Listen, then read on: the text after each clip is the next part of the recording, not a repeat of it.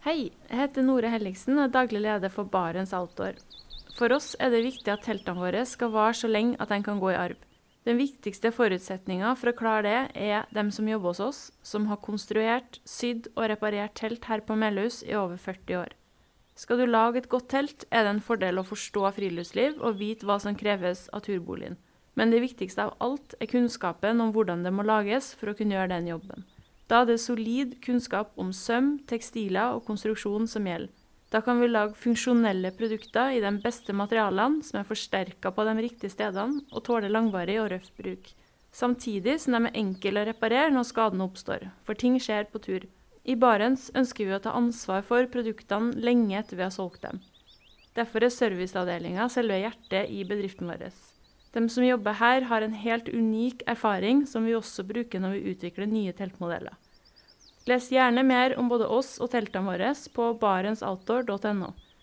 Og husk, den første reparasjonen på et Barents-produkt er alltid gratis.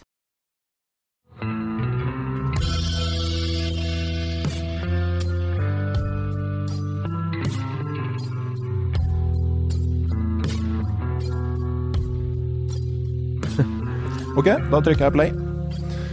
Hei og velkommen til podkasten Uteliv. Mitt navn er Randulf Valle. Det går mot vinter. Forhåpentligvis er snart snøen og skisesongen over oss.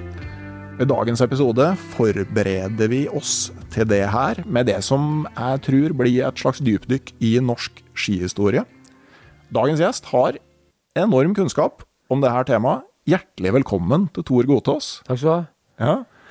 Eh, veldig hyggelig at uh, du hadde mulighet til å komme.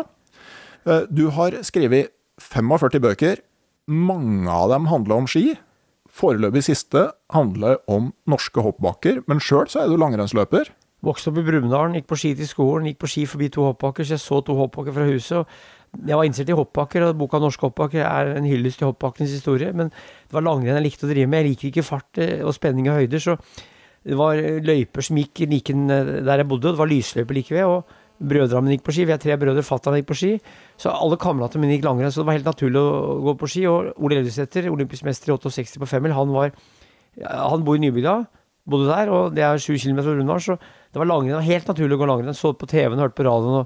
Elska langrenn før jeg var liten gutt. Vi bodde først i Elverum fram til 71, og så flytta til Brumunddal i 71, og der var det skimiljø, og det var også det i Elverum. Så skogen var mitt habitat, og der er jeg trives best fortsatt. Ja. Eh, du kaller deg forfatter og folkeminnegransker, stemmer det? Jeg uttaler utdanna folkeminnegransker, hovedfag fra Blindern i 93. Holdninger til teater sett i historisk perspektiv. Jeg skrev flere bøker, fire bøker om teater òg. Ja. Men hva skiller deg fra historikeren sånn i arbeidsform og for så vidt også i sluttresultat? Historikere er ofte opptatt av krig, politikk, økonomi og de store spørsmål, mens folkeminnegranskere er mer opptatt av kulturelle ytringer, muntlige ytringer, eh, trosforestillinger, tradisjoner. Så jeg har studert etnologi òg, som er et mer materielt fag, hvor du studerer arbeidsskikker og materiell kultur, mens folklore, som er folkeminne, det er det verbale og det åndelige kulturhistorien, kan vi si. Og ikke religion, altså, men mer det folkelige. altså. Folklore er et nøkkelord der. Ja, Det folk er opptatt av? Ja, hva de tenker, mentalitetshistorie, hva de har trodd. Hva, hva allmuen, gemene hop, Ola og Kari har ment og gjort. Det er det som interesserer meg mest. Og særlig få fram nytt om gammelt, altså. Mm. Dess mer ukjent noe er i historien, dess mer interessant er det for meg å få fram. Og vi bruker jo prøver av overblikket, og prøver å se historien nedenfra samtidig. Overblikk og se den nedenfra. Mm. Og Det er fint utgangspunkt for å skrive bøker om folkelige emner. Ja. Uh, vi skal straks i gang med skihistorien, men aller først så spør jeg som vanlig, har du hatt en fin tur eller naturopplevelse nå i det aller siste? Jeg gikk jo på rulleski i går, så ja. det var jo Maridalen, så jeg vet ikke om det er naturen, men jo, det Jeg var jo på besøk hos Vegard Ulvang i Maridalen for, og tok opp en episode for et par-tre uker siden. Jeg syns jo det så ganske natur ut. Jeg gikk forbi huset til Vegard. Ja. Jeg traff Vegard på onsdag, vi var sammen da. Og jeg løper jo hver morgen fra Korsvoll, jeg bor der, jeg er fra Brumunddal, og løper om morgenen stort sett i skogen. og går bort til skogen, for altså, jeg går på asfalt, og så begynner jeg å løpe i skogen på stier. Halvtime, tre kvarter, nesten hver eneste dag. Og så går på ski om vinteren og sykler som transport. Så jeg er ute i naturen, nest, jeg er ute i naturen hver dag. Altså. Ja, øh, men øh, jeg tenker jo blant folk som trener, så ser jeg for meg at du har grovt sett to typer. Altså de som ser på naturen, og de som ser på pulsklokka. Pulsklokke vet jeg ikke hva er. Og jeg trener jo stort sett rolig. Så, jeg, så jeg nyter naturen, og jeg nyter ofte den samme runden hver dag. Kan jeg se med nye øyne. Det er mye rådyr der. Det er mye rev, eh, særlig rådyr. Så, så jeg, jeg suger til meg kraften i naturen. Og i oppveksten så lekte vi i skogen, så det er i skogen jeg trives. Jeg føler meg trygg i skogen. Andre er urolige i skogen, men jeg syns det er trygt og fint og lunt i skogen. og jeg løper på stier, og, og det er et eller annet med å komme seg ut i, i naturen. Og hvis jeg er i utlandet, så oppsøker jeg alltid skog. Hvis jeg f.eks. er i en storby, så oppsøker jeg en park hvor jeg kan løpe i en skog. Uten skogen så føler jeg meg eh, fattig og nesten Jeg får ikke- panikk, altså, men det er et eller annet med at skog det gir, gir veldig mye, altså. Mm. Men er du skogens mann mer enn fjellets? Ja, jeg er det for at eh, jeg liker meg opp på fjellet. Jeg liker fjellet godt, men skogen er lunere. Jeg har planta mye skog. Jeg har vært eh, planta skog i nesten 40 år, er 35 år. Det er noe med skogen som gir en ro, og som en lunhet. Jeg tenker at Mennesket mennesker kom jo kanskje fra havet, så gikk det opp i skogen, og så senere kom det opp i fjellet. Så jeg tror skogen er et tidligere stadium i menneskehetens historie. Jeg tror de jakta mer på fjellet. Jeg tror ikke de eh, I gamle dager så tror jeg folk ikke var så mye på fjellet hvis de ikke trengte de jakta kanskje der, men eh, det moderne fjellivet er jo et friluftsliv som er en motvekt til å sitte nede i dalen eller være inne i et hus. Så for meg er um, skogen bedre enn fjellet, men jeg liker òg fjellet, altså. Mm. Jeg tror Arne Nævra som hadde en sånn betraktning om mennesket som sånn randsoneart. At hvis vi eh, bygger oss noe inne i skogen, så hogger vi ut en lysning. Og hvis vi mm, slår oss til i åpent lende, så planter vi trær rundt eh, eiendommen vår. Altså, Det er et sånt perspektiv jeg ikke hadde tenkt på. Interessant. Ja. Mm. Ehm, jeg plukka det også opp hos en legende i dag tidlig. Jeg har vært overnatta hos eh, Oddvar Brå. Eh, og langrenn er jo på en måte mer enn langrennssport. Men altså, om vi ser isolert på langrennssporten, fins det et mer ikonisk øyeblikk enn stafettinnspurten i VM i 1982? Nei, det er jo ikke det. I hvert fall ikke min mening. Jeg er jo født i 1965 og var jo 16 år da, satt og så på TV når det var vinterferie. Og Oddvar Brå er jo fra Høylanda, trønder, skilegende. Og det var én TV-kanal i Norge. Alle satt og så på VM da, det var vinterferie i Norge stort sett. Og det var vel nesten ikke folk som jobba eller gikk på skolen da. I 1982, for det, var store, det store mesterskapet var jo VM, og det var herrestafetten eh, Sovjetunionen mot Norge, altså øst mot vest. Det var jo jernteppet, kalde krigen. Og Brå brakk staven på siste etappen, så jeg har vært sammen med Oddvar mye, for jeg skrev en bok om den i 2018. Og hver eneste dag fortsatt blir han minna på det her hvis han møter folk. Så han er like blid og gliser, det er godt gjort. Etter 40 år så er han fortsatt blitt minna på stavbrekk i 1982. Ja, og det var vel Dagbladet som hadde det som en sånn fast spalte. Hvor var du da Brå brakk staven? Ja, det begynte jo en del år etter. For at det, det var sånn som da Kennedy Hvor var du da Kennedy ble skutt? Eller hvor var du da Martin Luther King ble skutt? Eller hvor var det da uh, Abraham Lincoln ble drept i teatret der? Så Brå han uh, fikk en serie etter seg, og vi var jo rundt, vet du. Jeg og Oddvar vi har hatt 87 foredrag hvor han, eh, jeg intervjuer han og vi viser film. og flere, Vi møtte jo annet to brødre som hadde en mor som hadde fått hjerteinfarkt. Og vi hørte om en annen som hadde dødd, en dame som hadde dødd av hjerteinfarkt, en annen som hadde hoppa opp i taket og, og brekt armen og slått uh, høl i en plate i taket, og masse som har skjedd under stavbrekket. For folk gikk helt bananas. Vi vet at i Oslo så stoppa trafikken. På motorveien så stoppa trafikken, og på Nationaltheatret så nekta folk å gå tilbake til prøvene sine. For at det, Norge sto stille i 1982. Det var jo torsdag 25.2.1982 eh, på siste etappen her, og det er et helt utrolig øyeblikk. Det er ikke så lett å forstå det for de som vokser opp i dag, for i dag har du internett og masse TV-kanaler, men da var det én TV-kanal. Og det var noe veldig stort eh, for Norge, og Norge hadde ikke tatt mer enn ett stafettgull i VM. Det hadde tatt i 1966, eller to, da, og i 1937. Så det var bare Norges tredje VM-gull i, i stafett. For herrer og damene hadde, tok også gull i Ja, så det var, det var ikke så ofte Norge vant på den tida her, Nei. Som det er i dag. Nei, og så var jo hele stafetten veldig dramatisk, for Norge leda ganske klart da Pål Gunnar Mikkelsplass eh, var uheldig i ei utforkjøring. Han gikk ut på tredjeetappen og datt i Stygdalen, stivna og ble tatt igjen av Burlakov. Kom inn da som nummer to, mens mange trodde at han skulle komme inn først. Men Oddvar måtte gå ut bak Savjalov. I stedet for at han gikk ut først, så gikk han ut bak Savjalov, men han tok ganske fort igjen Savjalov. Oddvar hadde dårlig glid, gikk på landstein fra Rindalen. Savjalov hadde Fischer, hadde bedre glid. Oddvar gikk fra han i hver motbakke, tok inn og gikk fra han. Og han gled fra han, så det var en duell hvor de måtte gå hardt på slutten. Og da rykka Oddvar i svingen inn på stadion. Og eh, Savjalov gikk litt ut til venstre og kom bort til staven til Oddvar som brakk. Og så kom Terje Bogen løpende med en stav som var 1,47,5 lang, og ga den til Oddvar. Eh, eh, Bogen hadde, ikke, hadde på seg votter, så hempa var litt videre enn Oddvar sin hempe, som var justert etter hansker. Så Oddvar kunne ikke slippe ut staven bak, men han hadde altså en stav. Og han eh, hadde litt dårlig glid, og på slutten kom Cervalo ut på sida. Og kom opp på sida og mente at han var først i mål, og jubla med hendene over huet. Men det ble delt seier mellom Norge og Sovjetunionen. Ja, var var det uklare regler for eh, målgang òg? For det var vel staven til Oddvar som var først over? Det var ingen regler, og det, det var ingen ordentlige regler, for det hadde aldri vært en duell i, i vanlig langrenn, for det var jo, ikke det var jo bare intervallstart da. Mhm. Men faktisk ble også bronsen mellom DDR og Finland delt, så utrolig nok ble gullet delt for første gang, og så ble bronsen delt i tillegg. Det har aldri skjedd før i historien at både gull og bronse har blitt delt i en internasjonal stafett. Nei, men sånn, med dagens regler så hadde vel Sovjetunionen vunnet? Sannsynligvis. Jepp, det var en eh, digresjon, men jeg tenker sånn i hele norsk idrettshistorie, og det eneste jeg kan komme på at uh, liksom ligner på det her, er jo eh, straffa til Rekdal i fotball-VM. Ja, men jeg er helt enig, og den så jeg òg, husker jeg. Det var vel i 98, var det ikke det? Eh, Ja. Og, men det var litt fjernere. Mm. VM i fotball. NM, eller VM på ski i Norge, i Holmenkollen, med kongen til stede, med kronprins Sonja til stede, kong Olav, kronprins Harald. På vår hjemmebane i OL, altså i den idretten som er vår. Skisporten er jo vår. Mm. Holmenkollen er skisports Olympia. Så det var en større nærhet til det, men det er klart at Rekdal og det sparket, det er, det er ikonisk, det òg. Mm. Men for å altså, Som du sier, altså, skisporten er vår. vår. Uh, hvor starte, hvor og når startet den norske skihistorien? Hva vet vi om det? Ingen som vet, men det spørs hva du definerer som skisport. For at uh, skigåing har vært brukt som transport i alle tider, sannsynligvis. Da folk kom hit til Norge for 10 000 år siden, når det var, da isen trakk seg tilbake, så gikk nok mange på truger og på ski ganske tidlig. Og det fins jo gamle ski. Sverige, Finland, eh, Russland, Kina er det finnes skip som er flere tusen år gamle, i Norge òg. Men, men vi har jo nedtegnelser om skiløping i vikingtida, hvor eh, Olav Tryggvason gikk på ski, hvor det var skiguden Ull som levde i fjellet, som var kjæreste med skade. Det er jo før kristen tid.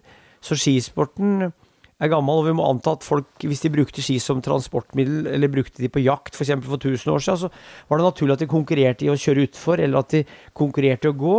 Samene var nok viktige i langrennssportens tidlige fase, de gikk langrenn. Det er vanskelig å si hvor skisporten oppsto, men hvis vi skal ta moderne skisport, som er i slekt med militær skiløping, som er registrert på 1600-tallet, for Norge jo, har jo lang grense mot Sverige, og det var skisoldater allerede på 1600-tallet, 1700-tallet, hvor, hvor de som var skisultater ble skrevet ut til øvelser noen dager i året. Så kan vi si at moderne skiløping ble organisert på 1800-tallet, i takt med at idrett kom fra England som en idé. Du hadde, du hadde skiløperkompanier. Altså I 1808, i krigen mot Sverige, var det skiløperkompani. Og når vi er på 1850-tallet I 1849 var det en som het Napoleon Bonaparte eller, han het eh, Rosén. Det var en trønder som arrangerte skitur altså i Trondheim her. Mm. Med turgåing. Det var vi i 1850-åra. Og det er jo stifta noe som heter Sentralforeningen for legemsøvelse og våpenbruk. er stifta 1861. Det er forløperen til Norges idrettsforbund, og det ble stifta med tanke på løsrivelse fra Sverige. For vi var i union med Sverige fra 1814 til 1905, og det var, det var snakk om å løsrive seg fra unionen, og da var det oppretta skytterlag og skilag fra 1861, skytterlag særlig, men òg etter hvert skilag, som skulle være trene unge menn. Og så kom det lov om eh, Skoleloven kom i 1860, og det kom en lov om gymnastikk som fag i skolen. Og da er vi i 1860-70-åra, og så begynner det å bli skirenn rundt i Norge med hopping og korte løp, springløp. Da er vi i 1860-åra. Sonne Nordheim fra Morgedal, født i 1825, 1825, kom inn til Kristiania i 1860-åra og imponerte med å hoppe på ski. Skihopping er en oppfinnelse sannsynligvis fra Telemark. Det beskrives ganske tidlig, men telemarkingene kjørte ofte ned skråninger på upløyd, altså ubrøyta mark, og hoppa. Og derfor de hadde en telemarknedslag, for de landa alltid i løssnø. Og for å stå i løssnø, så må du ta et telemarknedslag. Skjønner du? Ja. Og, og, og, og det var en sport som sannsynligvis oppsto i Te- Telemark, og det utvikla seg fra 1860-tallet. Så i begynnelsen var skisporten en slags blandingssport med skiløping, altså langrenn, hopping og utforkjøring. Og så har vi mer spesialisering fra 1880-tallet, hvor du får skihopping som ligner mer på i dag, og langrenn som er mer lange løp, ikke bare 3000 eller 4000 alen eller 2-3 km, men 25 km og 50 km. Så det tok noen tid, før, noen år, tiår, med organisert skisport. Men det hadde vært der sikkert lenge før. for det det er nedtegnelser om skisport i Trysil og Telemark på 1600-1700-tallet, og mange andre steder, men kildene er ganske sparsommelige. Mm. Men skiløping som moderne idrett ble organisert på kan vi si fra 1850-60-tallet utover i Norge, og spredde seg til Sverige og Finland, og Russland og nedover Europa, ofte av nordmenn som dro ut. Mm. Men eh, jeg tenker også, hvis vi fortsetter å se litt sånn bakover, prøv å tenke litt på sånn Hvorfor har noen kulturer i, eh, på en måte med typiske vinterforhold, har noen kulturer utvikla ski, og andre har det ikke? For hvis du ser, eh, ikke sant, da, Sånn som da Helge Ingstad kom til Canada, så går jo da urbefolkningen der på truger. Det slo meg at det kanskje altså, det handler både om snøforhold, men også om materialtilgang. Det må være det. Du har noe som heter Altai i Kina, Mongolia. Mm. De eh, har jo hatt en skikultur som er levende fortsatt i dag. Litt lik den var i en del norske bygdesamfunn. Det er vanskelig å si, men indianere brukte ikke ski, de brukte truger. Mm. Og nede i Europa, så i Alpene, så vet jeg at mange ikke engang hadde ski. De holdt seg inne om vinteren. Det er ganske utrolig at de bodde i Alpene uten å ha ski. Mm. Eh, noen steder hadde de, vet jeg, men det kom jo norske studenter ned til Tyskland og Sveits i alpestrøk, og der hadde de ikke sett ski før. Det er helt utrolig, syns jeg. Mm. Men da holdt de seg altså mye i ro og, tråkka opp uh, stier, og hadde kanskje ikke noe å gjøre opp i fjellet. Så de hadde jo husdyr, og de hadde vel stier, og de bodde vel i ganske tette tun. Så det må være, som du sier, materialtilgang, og uh, det er ganske utrolig å tenke på at uh, du kunne bo hvor det var én eller to meter snø og ikke ha ski. Men at uh, mange steder så fant de på ski til bruk over korte strekninger. Altså de brukte Det var jo flere typer ski. Det var jo lange ski, det var korte ski, det var breie ski. Samene hadde jo gjerne breie ski, særlig brukt i jakt. Men vi hører om enkelte steder borte i Øst-Europa hvor de hadde ski som var korte, som var brukt bare for å gå f.eks. korte distanser, ikke lange distanser for å jakte. Mens jaktski var ofte lange. I Norge kunne en kar ha tre-fire par, for han hadde forskjellige ski til ulike behov. Jaktski på fjellet var lange. Da var det en, kanskje en lang stav. Og så hadde du korte ski til bruk i bygda. Men jeg har bodd i USA, bodde, vært mye i Canada og bodde like ved Canada.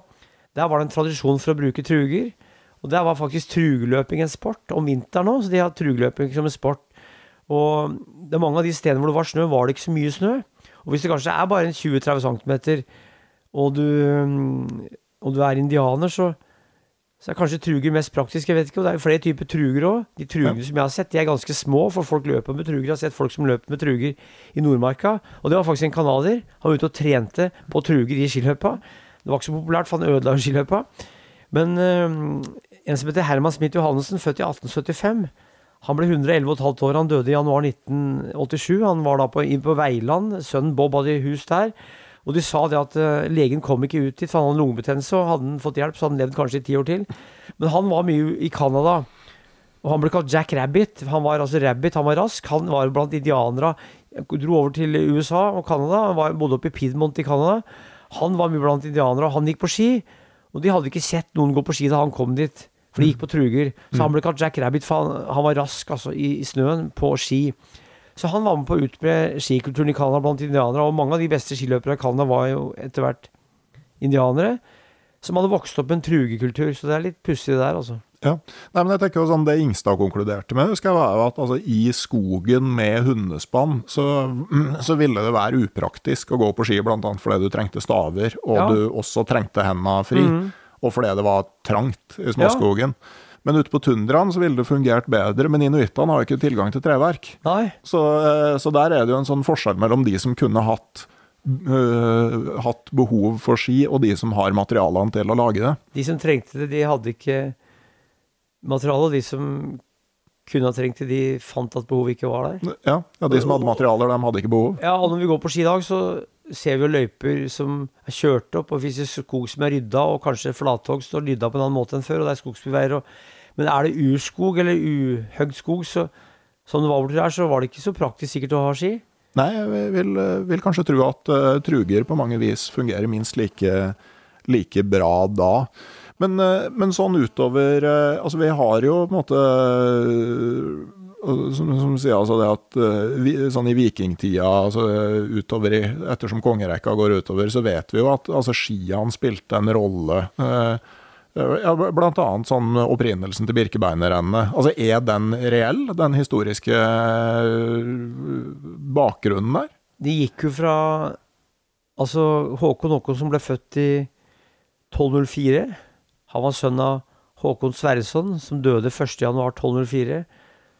Håkon Sverreson var sønn av Sverre, som døde i 1202.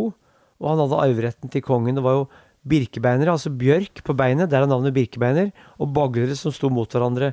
Baglerne var støtta av eh, de kristne, altså kirka som hadde sete i Roma, og birkebeinerne var en slags opprørsbevegelse. Og han eh, Håkon Håkonsson, mora het Inga fra Varteig, hun var fra Varteig i Østfold. De bodde nede i Østfold, og i 1205 desember så dro de oppover til Nidaros, eller mot Nidaros, til kong Inge. For han, han skulle beskytte kongsemnet, for de var redd for at de skulle drepe, at baglerne skulle drepe han der lille guttungen. Så de kom gående oppover fra Østfold. Kom til Havard lille julaften 1205. Overnatta hos en som het Fredrik Slafsa. Han slafsa noen åt. Og gikk videre til Lillehammer. Og jeg tror ikke flokken kom gående på ski. Jeg tror ikke det var så mye snø i Østfold i 1205 desember. Jeg har lest at klimaet var mildere enn i dag, så jeg tror Birkebeinerflokken, som etter hvert utgjorde ca. 140 mann, sammen med Inga, hun var en dame, pluss den guttungen, at de kom gående til Lillehammer ca. Altså Lillehammer, de var i skjul der. Eh, på beina, tror jeg. Men så skriver jo um, han eh, Sturla Tordsson, som var onkelungen til um, Snorre Sturlason, han skriver om i Håkon Håkonsson saga, som er den siste av de norske kongesagaene som kom ut, kom ut i 12 465 der. Håkon døde jo i 1263. Håkon Håkonsson. Han skriver at det var to skiløpere som guida de over fjellet mellom Gudbrandsdalen og Østerdalen. Og jeg tror nettopp fordi han prater om de skiløperne Det var jo to bønder, i siste, og to skiløpere. Så de hadde sikkert eh, noen i troppen som var ekstra gode til å gå på ski. Men jeg, og hvis det var 140 mann, så tror jeg ikke de kunne bare gå og få tak i seg 140 par ski. Det var før Håkon Brusund hadde åpna sportsbutikk på Lillehammer. Det var ikke så mange sportsbutikker å kjøpe ski. Så jeg tror personlig så tror jeg det at Birkebeinere, Birkebeinera, altså eh, Torstein Skjevla og Skjerva Skrukka, de som bar Håkon Håkonsson, de var skiløpere. De gikk på ski. Og de hadde med seg to bønder som kjentmenn. De gikk på ski. Og de kom til et sted som heter Nafardal, som er en utløe, som kanskje var på Imsdalen. Vi vet ikke hvor de gikk. Men jeg tror at flokken kom gående til fots. Mm. Jeg tror ikke 140 mann gikk på ski. Eh, for vi ser for oss at det er 140 mann som labber over fjellet, men jeg tror altså de to første pluss bøndene gikk på ski. Så tror jeg flokken kom gående på ski på beina, for de kanskje ikke hadde ski med seg. For det er ikke sikkert det var snø i lavlandet da, og det var ikke lett å skaffe så mange på ski. Men det er lagd en myte, og du har Knut Bergslien, som malte det maleriet, var husmannssønn fra Vossekanten, var det i Düsseldorf. Han malte det ikoniske maleriet i 1869 som viser birkebeina som bærer han over. Det er en jævlig fin historie. De kom til, eh, de kom til Østerdalen. Og, og tok sannsynligvis Glomma oppover, for der var det ferdselsvei. For da kjørte de ofte slede på elvene. Elvene var jo ferdselsveier, for der var det jo ikke noe skog. Så de tok sannsynligvis veien oppover Glomma og kom til kong Inge. Og hvis de gikk på beina, så var det sannsynligvis den greieste måten å reise på. For at eh, alle som har prøvd Nato-plank, vet at eh, ski trenger ikke å være så effektivt framkomstmiddel hvis du har dårlige, gamle treski. Så de visste ikke om noe annet, men altså likevel. De, de, de, jeg tror flokken gikk på beina, og at de første gikk på ski. Mm. Det er min mening, men jeg kan ikke bevise noe. Nei, men, men på en måte sånn når, det, når vi snakker på utstyret altså sånn eh, Hvis man liksom ser for seg en sånn utvikling, utviklingskurve for treskiene, vet vi noe om på en måte Sto det stille utviklinga veldig lenge? Altså Vil ei ski på 17-, 18-, tidlig 1800-tall ha sett ut veldig mye som det birkebeinerne da brukte eller ikke brukte over fjellet? Det var ulike typer ski i Norge, og det var ulike typer ski etter hvor folk bodde. Altså hvilket materiale de hadde tilgang på, og hvilke behov de hadde. Hvilke behov de hadde. Så hvis vi går til f.eks. de beretningene som fortelles, hvor det fortelles om ski, det er jo militære beretninger på 1600- og 1700-tallet. For der er det beskrivelse av hvordan du skulle være til en soldat.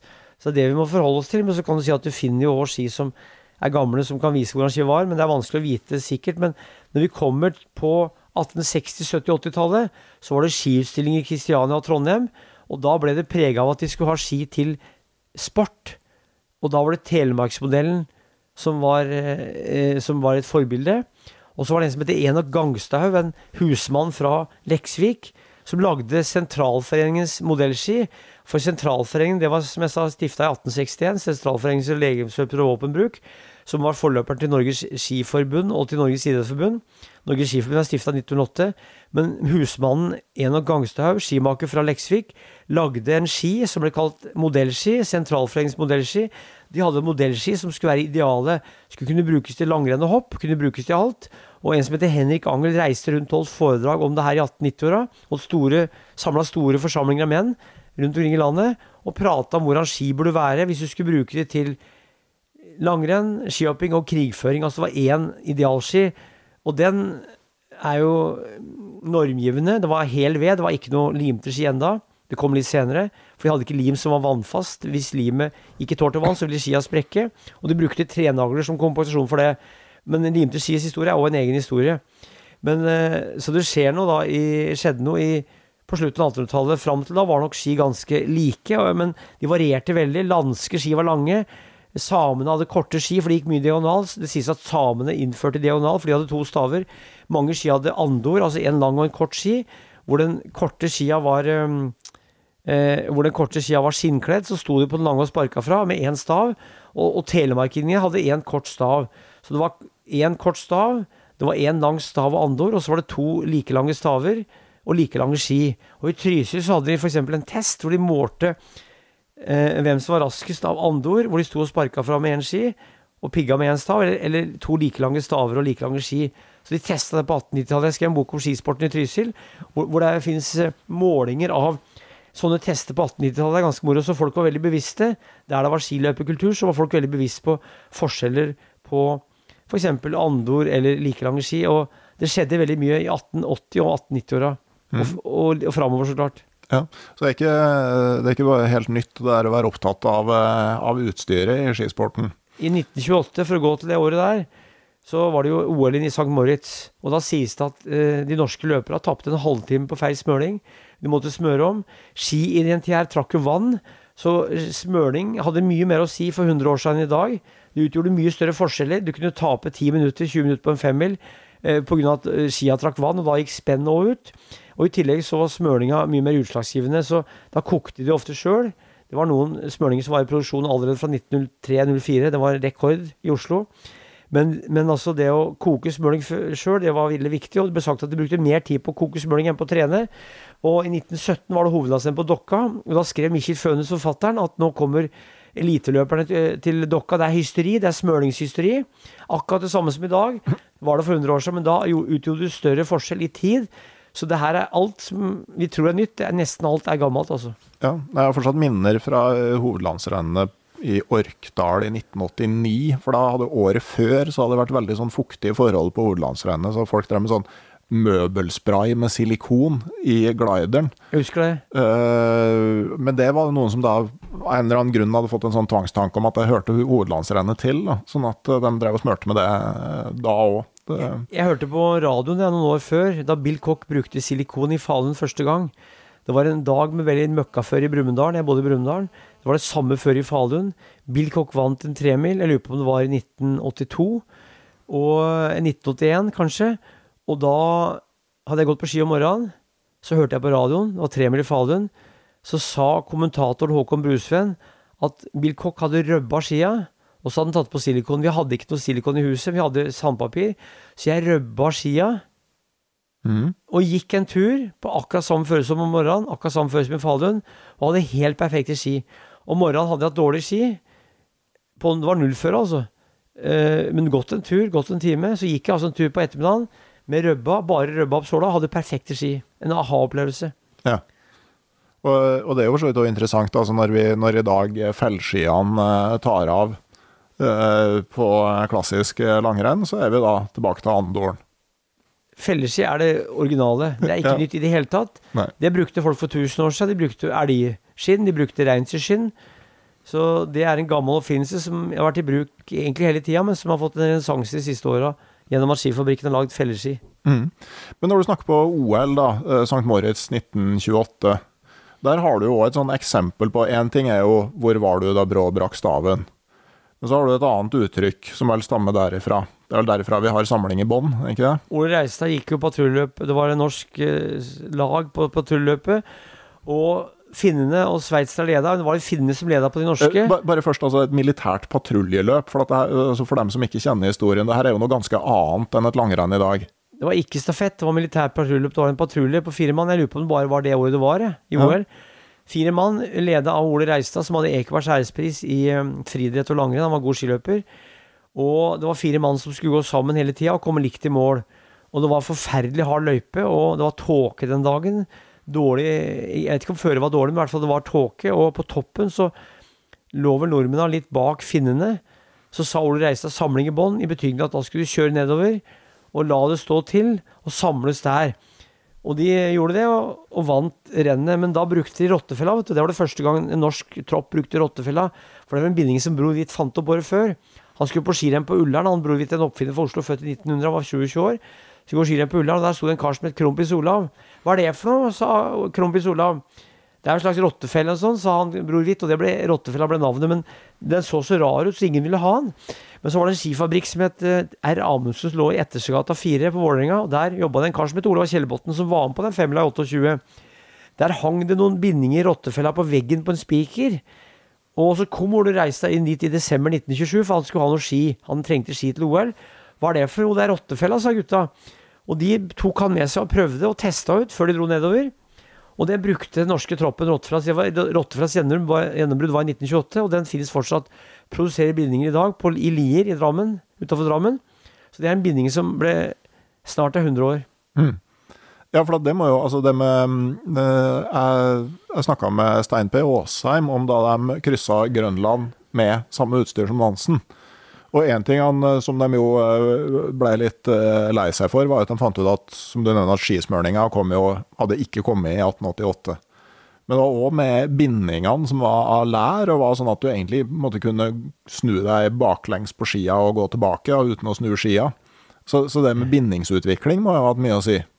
Fritz Huitfeldt fant opp Huitfeldtbendingen i 1890-åra, med noen såkalte jernører hvor du kunne feste, feste skoa, og det hadde mye å si. og det var en binding som gjaldt eh, lenge, og så kom Bergenlandsbindingen, det kom rottefella. og Rottefella fikk gjennombrudd ganske raskt på 30-tallet, i flere varianter. Jeg har også gått på rottefella 70-åra, men det var det altså du skulle feste tuppen på skoen. Men det var mange bindinger, så hvis du går i norsk eh, oppfinnerhistorie, så finner du masse oppfinnelser av bindinger. Men det hadde med å si at bindingen var bra, for at det, det var ofte slitasje på skoa, du fikk lett gnagesår, så bindingene var veldig viktige. Kandahar var en annen binding. Men det var ofte brukt i hopp, skihopping og til barneski og løypeski. Så skiutstyret har mye mer å si enn folk tror. og det var jo I vinter så gikk jo Vasaloppet, det var 100-årsjubileumsrenn, og jeg fikk tilbud om å være med og sa ja. Men så tenkte jeg jeg får jo ikke tak i ski fra 1922, og jeg gidder ikke å bruke mye ressurser på å få tak i det, så, for jeg skulle skrive ferdig noen bøker, så jeg sa, sa fra med plassen. Men da brukte de altså 6,58 de som vant. Og de brukte vel litt over sju timer da de vant i 1922, så det gikk omtrent like fort som de gjorde for 100 år siden. Og Anders Sjødegren, skiløperen, han gikk vel på litt over sju timer. Så det var gode skiløpere. Han er jo eh, noen og 40 år nå, men han er fortsatt en god skiløper. Så de gikk på utstyr som var helt annerledes i dag, og det krevde en annen teknikk. Men utstyret har hele tida blitt bedre, og jeg er jo 57 år og har merka hvordan jeg i min tid har fått bedre utstyr og bedre løyper som gjør at det er lettere å gå på ski. Så folk i dag er veldig godt vant med løyper og ski, og løypene har jo noe med ja, så, så, så det er vanskelig å forestille seg skiløping for 200 eller 100 år siden hvis du ikke har prøvd å gå i gamle ski. Jeg gjorde det i 2007, for da skrev jeg boka 'Skimakerne'. Da gikk jeg i gamle ski. Jeg gikk ikke på treski, jeg gikk i løyper og utafor løyper som Ja. Så hvis en går i andre forhold, så er skiløping noe helt annet enn hvis du går i trikkeskinner eller i veldig bra preppa spor og skøyter. Det var vel en, eh, en av de mer berømte birkebeinerne, Gunnar Tronsmoen fra Alvdal, som hadde et sånn eh, rundtall, et jubileum. Han var jo alltid den som kom først i veldig mange år. Da startordninga var annerledes enn nå, hvor de eldste starta først, og du starta yngre og yngre, så, så var det jo han som var på en måte den som gikk forbi alle de som var eldre og kom først. Men han hadde vel et sånn år hvor han gikk på det samme utstyret som han brukte første gangen han gikk. Han debuterte ved Brikken i 73, tror jeg. Og han gikk jo, da var rundt 70 år, kanskje litt mer. Han gikk et renn i Birken hvor han gikk på utstyret fra treskiutstyr. Bra treski, han leda vel klassa. Så ble han tatt igjen, men jeg lurer på men Kanskje ble det med to, men i hvert fall han leda i hvert fall i perioder. Men glien var jo dårligere, så ned mot Lillehammer så tapte ti. Og jeg snakka med ham da, husker jeg. Men eh, jeg er usikker på om ble det med én eller to i klasse. Men han var jo så god at den, eh, det ble, var en forening som ble kalt til Tronsmoens bekjempelse, for han kunne vinne med en halvtime han, i, Birken. Han lå jo i et høydehjørne da han var 65 år. Mm. Da han var 55 år, så gikk han på rulleski fra Røros til Sverige. Han gikk 478 km på et døgn. Da hadde han 45 pigg i minuttet, og da trente han for å klare det. Det var vel i juli 1984. Da var han 55 år. Da gikk han på rulleski fem mil om morgenen. Så snekker han full dag, og så løp han om kvelden. Da var han i form, sa han. Eh, og det var verdensrekord på rulleski. Og han var jo et fenomen. Trente veldig seriøst. Så veldig ung og frisk ut. Og jeg husker jeg så han i 1987, for da gikk jeg nimila og så han, og da husker jeg at han var vital. Han var spesielt god, og han vant så overlegent at folk ble sure, for da ble maksimaltida mye bedre. Ja, han ødela merketida. Hvis han vant f.eks. klassa med en halvtime, så vil jo maksimaltida bli um, blir seks minutter bedre eller noe sånt. For at han Du må jo se den i forhold til nummer seks. Mm. For han hadde talt bort han, så ville maksimaltida blitt mye dårligere. Så hvert år så var det mange som ikke klarte å merke med Tronsmoen.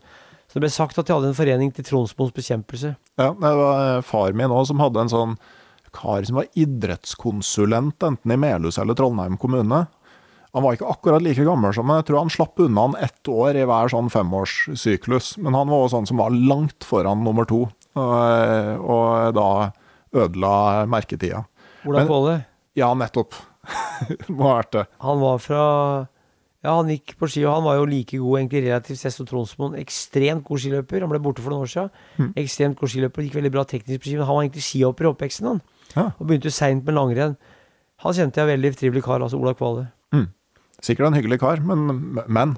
Gikk fort på skia, og han er verdensmester for veteran. Og jeg hørte at da han var i VM for veteraner, så var det en russisk løper som lurte på når han Ola Kvale var på det norske landslag, for han gikk så bra på ski at han trodde han måtte ha vært landslagsløper, for han gikk så, gikk så bra teknisk eh, på ski, og var veldig fin skiløpertype, Ola Kvale.